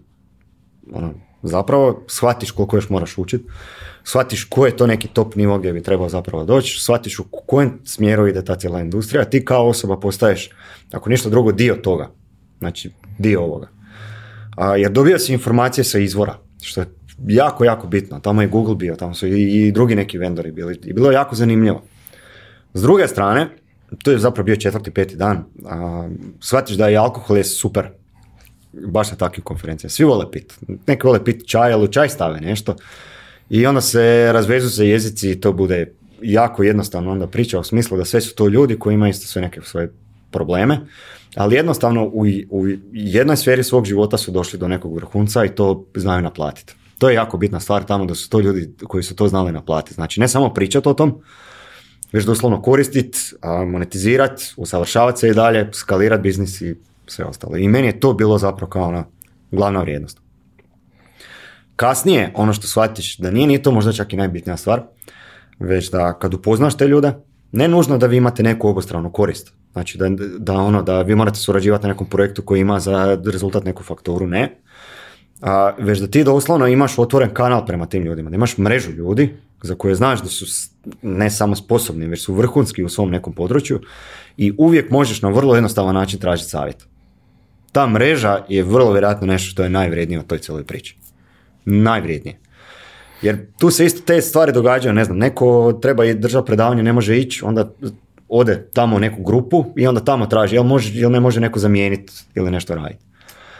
Lidovi za posao, Znači, to je taj, reći, taj neki monetarni dio, ali ne radiš to s tim ciljem. Jer uvijek tu postoji dvosmjerna zapravo taj re, e, reciprocitet. Ako je tebi neko ufurao neki lead, ti ćeš to morat vratiti kad tad. Ne zato što pratiš tu neku stvar, ali osjećaš se dobro u toj priči, jer ta zajednica i raste onda zapravo s tim. Svako ima neku svoju specializaciju specijalizaciju i specijalnost, ako ništa drugo, filtriraš informacije. Ti recimo izađe neka nova funkcionalnost, neki novi alat ili slično ne moraš ti sad nužno otići i, ne znam, pročitati šest blog članaka ili slično. Već organiziraš kol sa njih pet, šest, za koji znaš da su ono vrhunski u tom svemu i onda pričate o tom. Ne znam, ovo se radi, kako to prodavati, kako to nam, namjestiti, su bili neki problemi. Uglavnom, dijeljenje iskustva, ali bez neke obaveze, znači ne moraš ti sudjelovati ali nije tu sad stvar o tome da je jako teško inicirati taj razgovor, jer ti ljudi su otvoreni prema razgovoru. S druge strane ti možeš njima pričati o sasvim drugim temama, znači nije to samo sad kao profesionalna zajednica, jel nema tu sad, nije to neko strukovno udruženje ili sindikat, već jednostavno ljude koji upoznaš na tom nekom mjestu i dijelite neke zajedničke situacije, lijepo je, stvarno je lijepo. Taj dio je jako lijepo. E, već više od deset godina se baviš analitikom. Mhm. stvari se komplikuju kroz vreme drastično. Za početak, ono, kad kreneš od nečega čime se ne bavi niko, konkurencija je minimalna, šta god da uradiš imaš rezultat. Šta da. god da se desi je super. Vremenom je to sve teže, vremenom sve više moraš da izvlačiš maksimuma i iz oglašavanja i kasnije iz, iz, iz svega ostalog. Ali ono što bih e, voleo da, da, da, podeliš je kako se menjala svest klijenata za ovih deset godina. Znači, ok, na početku svest klijenata nije postojala. Da. Ali da. kako su se stvari mijenjale i šta su ono, šta su neke e, najčešće stvari kad okine u glavi da treba da krene uopšte da radi tako nešto, šta su najčešće miskoncepcije koje ljudi imaju o tome, po, ono, pogrešna očekivanja, šta su realna očekivanja, šta, kako su se te stvari menjale kroz vreme i šta jedan dobar klijent kako izgleda dobar klijent? Uf, dobro pitanje. Mislim, ne postoji, ali kako izgleda idealan klijent? Pa ajmo reći ovak sad, a, kako se mijenjala percepcija svijest o samom analitiksu, alatu i sve, a, nije se mijenjala percepcija vezano za analitiku, već za alat. Jer samo analitiku to je još uvijek silosirano dosta. Znači, business intelligence s jedne strane, data science s druge strane, web analitika koja je neko zapravo ono, jednostavno smeće u sredini neko. Jer ona hrani zapravo ta dva sustava, ali nikad nije ravnopravni sudionik u toj priči.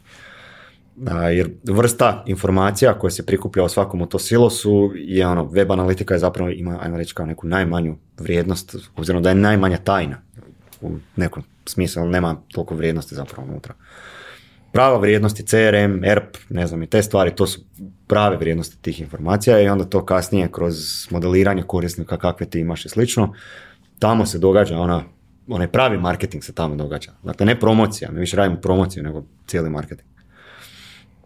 I a, što se tiče same percepcije analitiksa, kao Google Analytics, ali drugi alat zapravo i ne postoji. Mislim, ima nekih onih drugih Matomo, pa pivika, pa Yandex metrika, pa Snowplow, pa ovake onake stvari. Dakle, ima čuda, brda, doline, Adobe, ne znam, i te stvari. Ali Google je ono kao neki centar svijeta. Zašto? Zato što je prva stvar je besplatan s jedne strane, druga stvar jako ima veliku povijest, treća stvar jako je dorađen s jedne strane i Google je vezan je za Google Ads, pa ono, to je to. Uh, percepcija da je to standard, mi to moramo imati percepcija funkcije šta bi trebao Analytics raditi još uvijek nije na razini kako bi trebala biti. Jer ljudi koriste još uvijek najčešće, možda nije zahvalno, ali ono kad kažeš u prosjeku ljudi koriste Analytics za izvještavanje top liste. Kao top lista kao na Spotify, imaš top 10 ili bottom 10 ili top 10 rastućih ili tak neke stvari. I to se najčešće događa. Plus, još jedan dodatni najčešći izvještaj je lista kanala prema prihodima. To je još ona jedna od top lista koja se, to je atribucijski dio, ajmo reći, ovoga, što ljudi zapravo traže. To je koji je kanal koliko kriv, da znaš kojem kanalu ili koje agencije koliko novaca dat. To je proces atribucije. I to je loše. To je u svakom slučaju loše, jer za, to se ne bi Analytics trebao koristiti. A, Analytics, onaj dio bi trebao zapravo generirati je šta dalje raditi. Znači ne flat tablice koje tebi kažu povijesno stanje, već ono ti gledaš u, u budućnost. Ne nužno da radiš neku predikciju, ono, da sad u idućih ti sedam dana moraš reći, aha, ti, ti si sad firma koja bi trebala napraviti toliko i toliko prihoda ako ulože takav i takav trošak. Ti možeš raditi te neke procjene, ali najčešće su one na bazi ono, osjećaja, ono, gut feeling, znači mi bi mogli to ostvariti. Po kojim kriterijima, ja stvarno ne znam, ono, ali jednostavno to, to nije to. A, tako da što se tiče a, korištenja i kad ljudi uopće počinju ozbiljno razmišljati o samom analitiksu, to ima jedna teorija koju smo mi učili na ekonomiji, kad ljudi ulaze u poduzetništvo. Ima iz nužde i iz prilike. To je onaj TEA indeks je to zapravo neki koji ima, ono, ako je TEA indeks višlji, ja mislim onda više je nužda, a ne prilika. Kod nas to svi radi više iz nužde. Znači, ako osjetim problem, problem u smislu ne mogu rast ili problem u smislu e, opadaju mi rezultati, onda se ljudi okreću prema analitici da im objasni šta se događalo u zadnjih šest mjeseci. I to je taj pasivni pristup, ajmo reći. On sam po sebi isto nije loš, mislim, uh, bolje ikad nego nikad. Ali, je kasno. nije proaktivno nego je reaktivno. Reaktivno. To je, to je sve sad taj reaktivni dio. I sad postoji tak kao neka krivulja kak bi Analytics trebao napredovati, znači ima taj neki reaktivni dio, pa onda ima proaktivni dio, pa ima preskriptivni dio, ja mislim, onaj koji ti ti si aktivni sudionik u svemu i ti zapravo i predviđaš i prema predviđanjima već unaprijed radiš neke akcije jer znaš šta će se događati na tržištu. I alati sami to već znaju i sami to rade. Mi smo u onom reaktivnom još dijelu, jer jednostavno ne možemo u principu ovaj, drugčije razmišljati. Ne samo zato što a nećemo još zato što i ne znamo jako puno stvari napraviti. Recimo ono što fali u cijeloj toj stvari u skoro da, u većini agencija, a, barem koliko sam imao prilike vidjeti, matematika i statistika fale. Znači, mi svi radimo s tablicama, znači ono ti radi statistiku, agregiranje podataka, čišćenje podataka, procesuiranje nečega, a matematika i statistika ti baš nisu ono najjača strana modeli regresijski ovakvi onaki, znači da ćeš ti raditi bilo kakve predviđanja ili nečega, nisu baš neka najjača strana. izlačenje podataka, neki programski jezici koje ti moraš znati za analitiku nisu baš najjača strana. Jer samo onaj dio tih ljudi koji bi trebali zapravo tu analitiku raditi, koristiti te podatke na takav način, oni odlaze negdje drugdje. U banke rade controlling, odlaze u, ne znam, u neke sustave pa rade nešto, ali uglavnom ne ono, ne ovaj, ajmo reći čak još dosta zanimljivi dio te cijele priče. I kad se dogodi ta nužda, od analitiksa postoji velika očekivanja. Znači, ti će sam meni riješiti problem.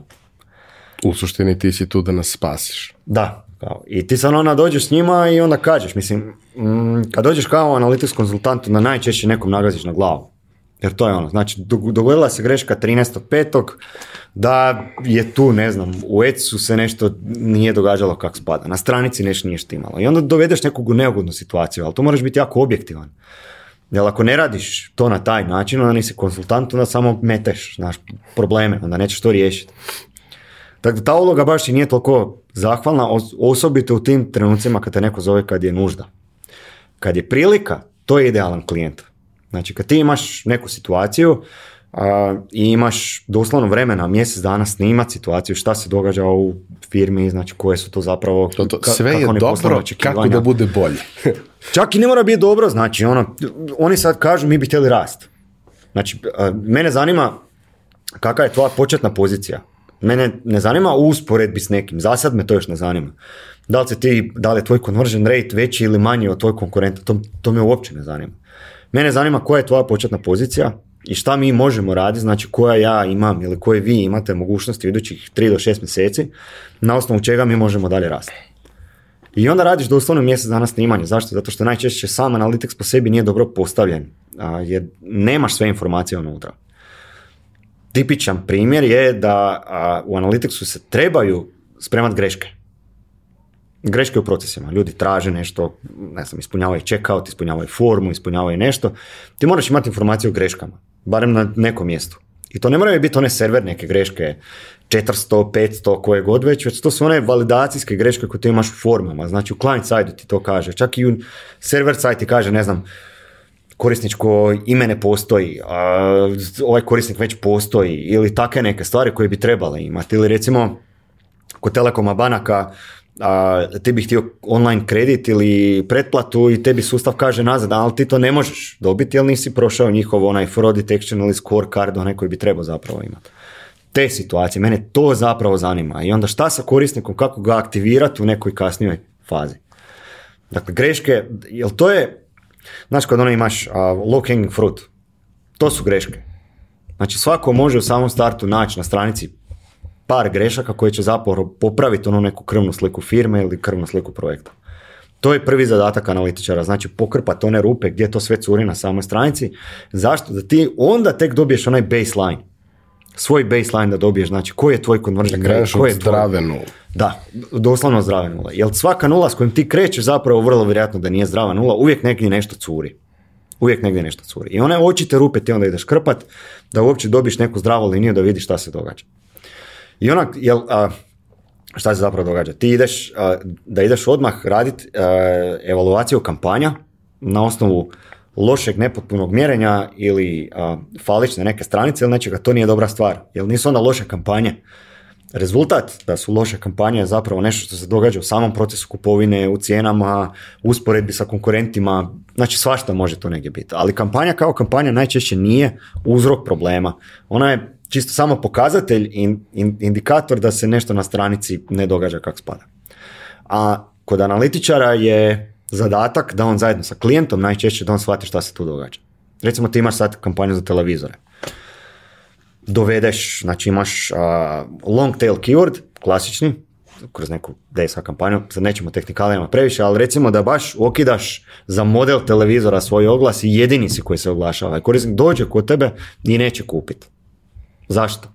Možda ti televizor nije na stanju. Možda ti je rok dostave 30 dana, 50 dana, a prvenstvo počinje za 7 dana. Znači, džaba mi taj cijeli trud i čekanje, kad jednostavno ga ne, mogu dobiti. Možda cijena nije dobro iskazana popust ili tak nešto, možda nije na akciji ili ljudi su navikli na neke cikluse akcija pa neće sad kupiti, očekuje da će akcija biti za neki tjedan dana. Dakle, te sve odgovore bi ti trebao na neki način dobiti. Kako? Da testiraš te sve stvari onda kasnije. Znači, ako ja vidim da ljudi mene dolaze sa vrlo relevantnom ključnom riječi na moju stranicu, a nemam previše konkurencije ili nečega, kampanja kao kampanja nije problem. Znači, proizvod je problem. Product mix je problem. Proizvod, cijena, lokacija, šta god da ide sve unutra, package ona da imaš, ali nešto je u toj priči, tu je negdje problem, ajmo to probati rješavati. I dobar klijent, ovaj, ovaj, što si pitao, znači ono šta je, ajmo reći, prosječni klijent i šta je dobar klijent, dobar klijent je spreman to prihvatiti. I dobar je, klijent je spreman to promijeniti, primijeniti, znači takvu neku stvar. U smislu, čak i podijeliti informaciju, to je već jedna jako velika stvar. U smislu, mi smo najskuplji na tržištu, ali mi imamo neke dodatne vrijednosti koje drugi nemaju. Recimo, dostava, besplatna dostava ili onak. Sam proizvod kao proizvod ima neku cijenu i mi tu ne možemo ići puno gore dolja. Ali mi imamo tu neke stvari. Ok, meni je to super informacija, onda ja znam šta treba komunicirati u oglasima, oglašavanju, kampanjama, općenito. Znam kog treba vijat, kog ne treba vijat.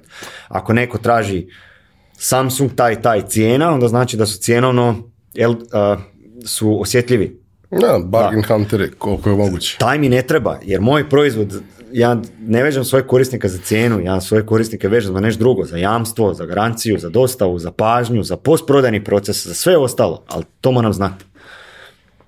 I to je, su kao i neka svojstva dobrog analitičara da zna i postavljati pitanja, da dođe do nečega. To je isto kao kad dođeš na neki, opa, pardon, odeš na neki test i onda na taj način ti zapravo kroz set pitanja ti dođeš do, ajmo reći, nekog krajnjeg odgovora. Ali to je ona priča da moraš shvatiti biznis. Kad znaš biznis, vrlo lako ti je doći, mislim lako, relativno lako, ti je doći do nekog odgovora, znači gdje se sad firma trenutno nalazi, gdje bi ona trebala biti, kako oni misle uopće da do toga treba doći i ti onda na kraju dana ti njima kažeš ono što si rekao prioriteti, one stvari koje bi trebali napraviti, šta je uopće izvedivo, šta je realno, šta će dati najveći efekt. Zato je to je kombinacija iskustva i kombinacija aktivnog testiranja. Mi moramo nešto napraviti. Nema stajanja. Znači ti moraš krenuti u taj cijeli proces testiranja. To ti kao ona fora. imaš zahtjev klijenta jedna kampanja super radi. Znači ima super rezultate. Trošak po prodaji je značajno iznad prosjeka svih ostale kampanja. I klijent kaže, jel mi to možemo povećati? Pa kažeš da, ti imaš prostora prema nekim izvještajima, imaš prostora za povećanje te kampanje za tri puta, četiri puta možeš još ići I klijent pita, a dobro, šta, šta će to nama vratiti nazad? Odgovor je, nemam pojma. Ne znam šta ćete to vratiti nazad. Zašto? Zato što nikad nisam bio u situaciji da trošim toliki novac i ja ne znam uopće po kojoj stopi tamo uopće ti korisnici na vrhu koji su najskuplji, po kojoj stopi će oni konvertirati, a po kojoj stopi će ovi, znači ono, po najnižnoj cijeni klika konvertirati.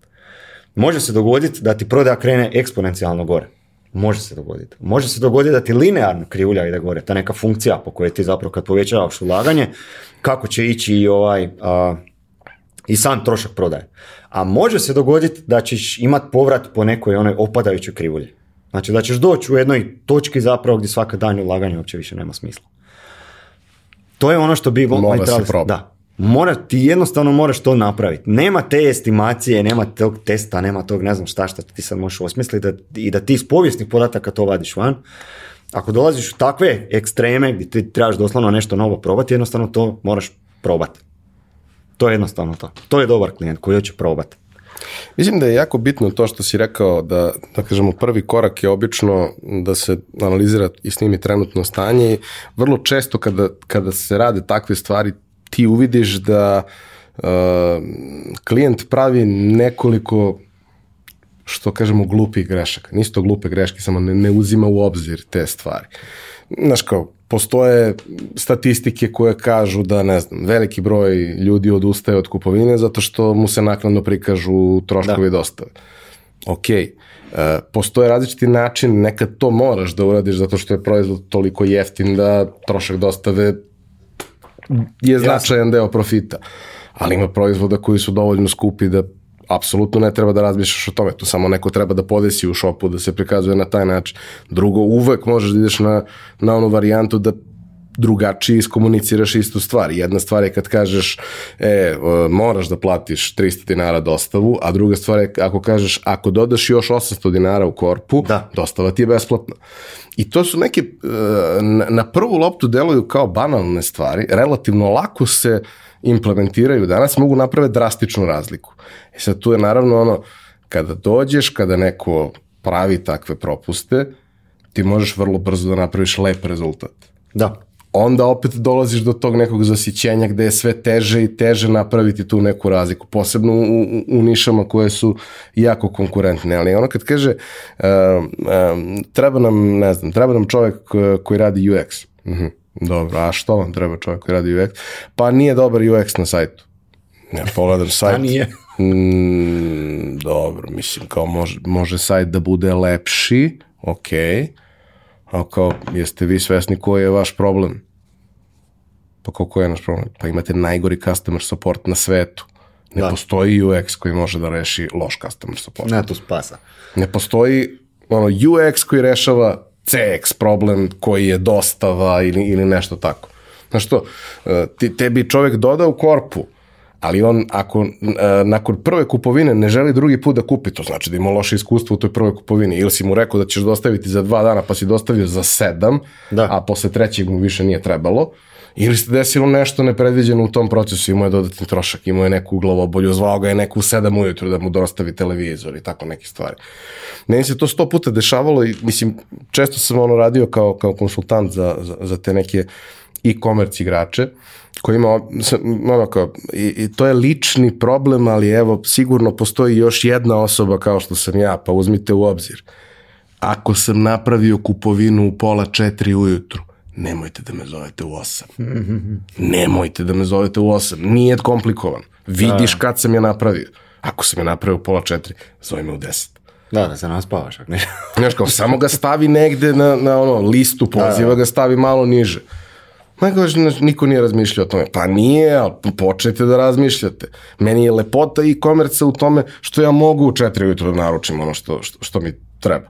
Jer sam se u tom trenutku setio posle trećeg filma i ono drugi utakmice, da bi baš mogao da kupim novi toster. Da. Znaš ko, ne razmišljam o tome, ne, šta god, mislim. Ono, mašinu za pravljanje kokice, nije ni bitno. Ali kao, tad sam to isklikto i želim da se to desi ako može, iz mog ugla kao introverta, bez ikakve interakcije. Još ako može da mi dostave da ja ni ne znam da je dostavljeno, to bi bilo idealno, ali dobro, to ne može. Znaš. A to je ta stvar, taj začarani krug, a, gdje u principu Uvijek neko mora biti kriv za nešto. Znači za opadajući rezultat ili za ovakav ili onakav. I onda a, ono što je najbolja stvar da ti najčešće ideš u promjenu čak onog promocijskog miksa ili šta god da radiš, zapravo kanali pa poruka i sve to skupa, to je najlakše za promijeniti. Pa zato je to prva linija obrane. Tu, tu ćeš sad ti nešto miksat. I onda dođu do lažne promjene kao fake promjene. Ti dobiješ neki povećani rezultat, ali on nije održiv rezultat. To je samo ono neki klik i to se dogodilo, ti si uzeo tih nekih 10, 100, 500 korisnika, kako god. Ali nije održiv rezultat, on će ti pasti odmah nakon toga, jer imaš da, taj problem koji nisi riješio, korisničke službe, displeja, informacija o proizvodu, slika proizvoda, ne znam, onak nekih jednostavnih stvari koje ono, moraš, moraš imati pod, pod kontrolom. I taj dio, još uvijek taj dio, zato što koliko god da je to uznapredovalo i web development i app development i sve to skupa. Tu još korisničko sučelje kao sučelje još nije dovedeno do razine da smo riješili oni dječje probleme. I onda to kad riješiš te stvari, onda ti tek računaš analitiku, taj baseline i sve ostalo, improvemente neke na ovo. Jer koliko sam ja shvatio, mm, u tih deset godina cijele analitike, svih tih heca što smo radili sve to skupa, naš zadatak je napraviti inkrementalnu prodaju. Ništa drugo na to to što ćemo mi brand prodati, to nema veze, to je minuli rad neki, to je ono zaštita brenda i slično, to, to nema veze s našim uspjehom. Agencijski uspjeh je inkrementalna prodaja. Da ti dođeš do a, većeg opsega ljudi, da u što kraćem roku zapravo filtriraš te audience, te korisnike, da su oni kao potencijalni kupci. Da li kroz machine learning, da li kroz poruku, da li kroz neke naše naučene metode, kako tehnički to postaviti uopće nije bitno. Bitan je rezultat na kraju dana šta će se dogoditi. I zato je dosta bitno to ima kao neko točno mjerenje. Ajmo reći, to je kao točno mjerenje, ali to točno mjerenje danas nije isto mjerenje kao što je bilo prije 3-4 godine. Jer ovo mjerenje danas je netočnije od onoga što smo imali prije, prije 3-4 godine. Jer jednostavno smijemo manje mjeriti nego što smo prije smjeli mjeriti. I onda zapravo taj sample koji mi imamo je manji. Pa je mogućnost greške da, je veća. Mogućnost greške je veća ali ono što nikad ne treba zaboraviti je zapravo da su da je monetizacija, realizacija, da nikad nije bila, nikad nije bila u Analyticsu, nikad nije bila u ECU. Bila je na strani firme, klijenta za kojeg si radio i čim ti dođeš na sastanak, on se smiješi, je onda znači da si nešto dobro napravio. To je to. To je ta cijela priča. Jer ti moraš gledat i ako i radiš jedan kanal, recimo radiš Google Ads i tamo trošiš 10.000 eura. Taj Google Ads neće zatvarati prodaje samo kroz Google Ads, on će kroz sve ostale kanale raditi. Pa čak i da ljudi offline dolaze na blokaciju i tamo to rade. I mi recimo sve više više koristimo, kad kažem mi, mislim firma, a, mi koristimo sve češće vrlo jednostavne metrike koje idu na makro razini firme. Znači ne da se spuštamo na razinu kampanje. Ono, jedna kampanja je donela ROAS takav, takav i takav to ne možeš znati, to su tak, nekad znaju biti male brojevi koji znaju toliko oscilirati gore dolje da nemaš kontrolu uopće na tim. Već samo radiš, znači, maksimalni trošak koji ti smiješ potrošiti zapravo u odnosu na prihod firme koje realizira za neki vremenski period. To je to. Znači, ja smijem davati 5% ukupnog prihoda firme za prodaju nekih proizvoda ali taj trošak u to ulazi i produkcija banera i ne znam i SEO i sve skupa, tvoj dio je neki 3-4% ili ne znam šta šta imaš za aktivno trošenje za taj proračun. Dokle god taj dio 5% drži, ti praktički imaš neograničen proračun. Znači koliko god ti možeš ići gore prema dolje, to je zapravo samo na tebe da ti držiš taj neki nivo. Puno je lakše. Komunikacija se svodi na metrike koje klijent razumije. Klijent razumije šta je trošak, klijent, razumije šta je prihod.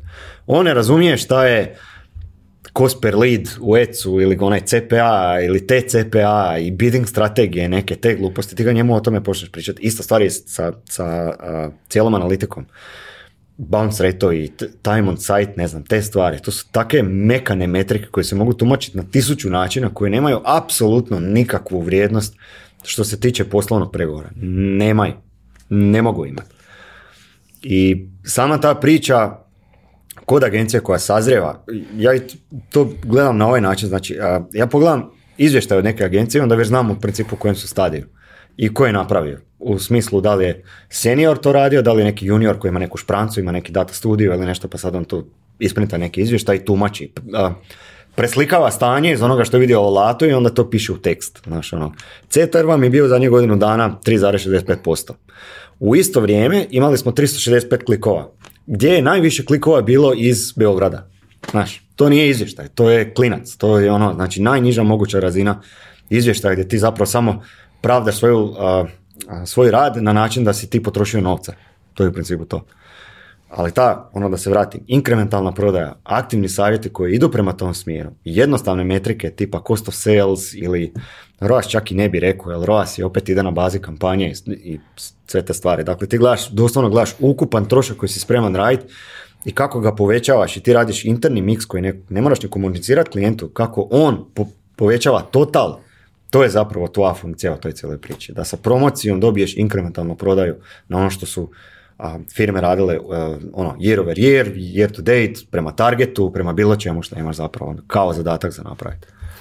Za kraj bih te samo pitao jednu stvar, pošto e, kružimo oko toga, to mhm. jeste jako važno. To je da e, u suštini vrlo često kada pričamo o tome deo posla koji se ti, kojim se ti baviš spada u marketing department. Ali da bi mogao da funkcioniše, moraju da budu uključeni svi. svi. da. I svi negde moraju da budu na liniji, da međusobno razumiju i da sarađuju u tom celom procesu, što je u manje više svakoj većoj firmi, ne baš svakoj, ali u mnogim većim firmama je problem i njima interno, a kamoli kad dođe neko sa strane da im kaže da. šta bi tu trebalo da se promeni. Uh, imaš neki savet za to, odnosno imaš neko dobro iskustvo kako bi to trebalo raditi i na koji način bi to trebalo predstaviti svojim ljudima unutar firme kada angažuju nekog ko, ko treba da pomogne sa strane? A ovako, uvijek za stolom imati pravnika, to je dpo To je ona prva i osnovna stvar. Jer više nije sad ono fora dobiti informacije, ti moraš dobiti podlogu za dobivanje informacija i do koje mjere smiješ ići u dubinu informiranja o nekoj pojavi ili ono, nekoj vrsti informacija što imaš unutra kad kažem taj DPO, taj, ta cijela zaštita privatnosti u principu u cijeloj, oni su zapravo i košnica i mjesto gdje ti, ono, oni su ti blokeri zapravo u tom cijelom procesu. A, jer tu dobiješ informacije o korisnicima. Sa druge strane imaš taj opet legal dio, a to su prihodi.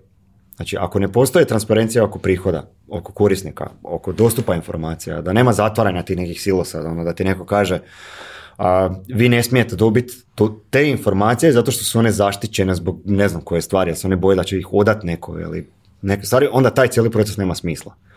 To je kao da, ono, ja ne znam, neko ti kaže da moraš napraviti auto s jednim točkom, znaš, ono, a da on ide brže do onog auta sa četiri točka, pa ti sad očekuješ da ti samo s tim jednim točkom možeš napraviti sve. Znači ne možeš, moraš mu dati sva četiri točka da si stabilan Znači da znaš ono i upravljati, da znaš i ubrzavati, da možeš efektivno ubrzavati, da možeš pametne stvari zapravo raditi. Dakle, dostupnost informacija, svi moraju biti uključeni. Ne uključeni je da svi moraju biti na svim sastancima. To je nešto najgore što ljudima možeš napraviti. Da ih dovedeš na sastanak gdje oni nemaju funkciju.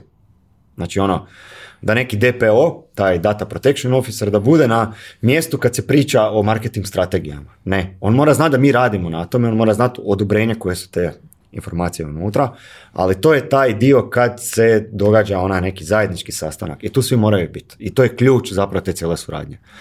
Znat ko su igrači, znat kak, koje ključeve oni drže, za kojim, za kojim informacijama i znat ko odlučuje na kraju dana u svim tim timovima. Znači, koji je glavni pokretač zapravo ili koji problem se zapravo rješava, u kojem modelu da bi ti shvatio šta to funkcionira. Najgore je kad dođeš u firmu koja, unutar koje postoji, koje postoje političke borbe. Znači ono... Dakle, većina korporacija. Da, gdje, ti postoji ona stvar, ti posjeduješ jedan set informacija i nećeš ga dati drugom odjelu. Zašto? Zato što onda to je onaj gubina kontrole, znači to je ono moje, ti moraš da zahtjevi sve. Mislim, ne kažem ni da je to loša stvar, tu uvijek dođe do prostitucije informacija, pa se one dijele okolo okolo svako je koristi na svoj način, pa se onda čak i obsezi posla se nekad miješaju, pa onda više ne znaš ko šta radi, jer svi rade na istom, ali ne znaju da svi rade na istom opet cirkus. Ne kao Miroslava cirkus, već ovo je jedna druga vrsta cirkusa. dobar klijent je onaj koji zna da mora podijeliti informacije, da može zauzvrat očekivati nešto i da prati uopće tu cijelu priču. Znači da bude aktivan u toj cijeloj priči, da može tu stvar popratiti i da ne postaneš samo dio u tom problemu, kao zapravo ono, ako su politički probleme ili nešto, već da ti jednostavno daju otvorene ruke. I ja isto više volim raditi s ljudima koji ono, nema one čiste poslovne komunikacije, to ima i psovanja i svega. Da, ljudi se moraju osjećati slobodno kad pričaju o takvim stvarima moraju biti vrlo jednostavni. To nema ono, znaš, da, moraš biti fini, učtiv, već ono doslovno u bebu. Jer mi smo došli ovdje riješiti problem. Znači, ja, mi nemamo vremena za biti romantični i sve ostalo. Dajte informacije šta smijete, mi ćemo vam napraviti najbolji mogući ono, stvar, čak ćemo i naučiti ljude koji vi in-house imate da odu na višu razinu i razumijevanja i aktivnosti što zapravo rade i onda samo šibate dalje. Ali mora da postoji povjerenje. Mora, povjerenje u startu da će neko dati, ja ne znam, to je, to ona stvar što smo prije pričali, da mora biti neka mala stvar, neka mala pobjeda u samom startu. Zajednička pobjeda. Ne znači da sam ja pobjedio ili da su oni pobjedili, već da smo zajedno pobjedili jedan mali problem ako to postoji prilika u samom startu suradnje kao za napraviti, to je već zapravo... Pa dobro, ali postoji još jedan model koji je vrlo popularan na ovim našim prostorima, da? to je preporuka. A, mislim, preporuke su super, ali ovaj, to je isto ko kredit, znaš, preporuka za kredit. Ali preporuke su dobre a, i to je, ja mislim, čak nama je to 70-80% posla je došlo preko preporuke u većini slučaja. To je najsnažnija ona inicijalna, samo što je to s druge strane opasnost, nemoj zeznut ono ko te preporučio. Dobro, to, je odgovornost. Da, to je, zna biti onak malo trik. To stvara pritisak onak malo, ali dobro. Zdrav pritisak stvara. Čini mi se da se kao firma dobro nosite sa tim. Pa da, zato i zatvaramo dosta više. Šalim se, ne, mislim da smo u, dobrom, u dobroj poziciji da prerastemo sad još jedan u nekoj ozbiljniju formu. Zorine, hvala ti puno. Hvala tebi. Mislim da smo ispričali nešto vrlo interesantno, dali ljudima gomilu stvari zbog koje će da ih boli glava, što je ok. Ja se ispričavam. Ovaj, ne, ne, verujem da, da je u tebi problem, obično je problem u meni i mojim pitanjima. Ove, ovaj, hvala ti još jednom, hvala vama što ste nas slušali i gledali. Ove, ovaj, kao i do sad sve pitanje sva pitanja, ovaj, predloge, sugestije ostavite u komentarima na youtube i na društvenim mrežama. Ja vam se još jednom zahvaljujem na pažnji, zahvaljujem se našim sponzorima i vidimo se ponovo sledeće nedelje.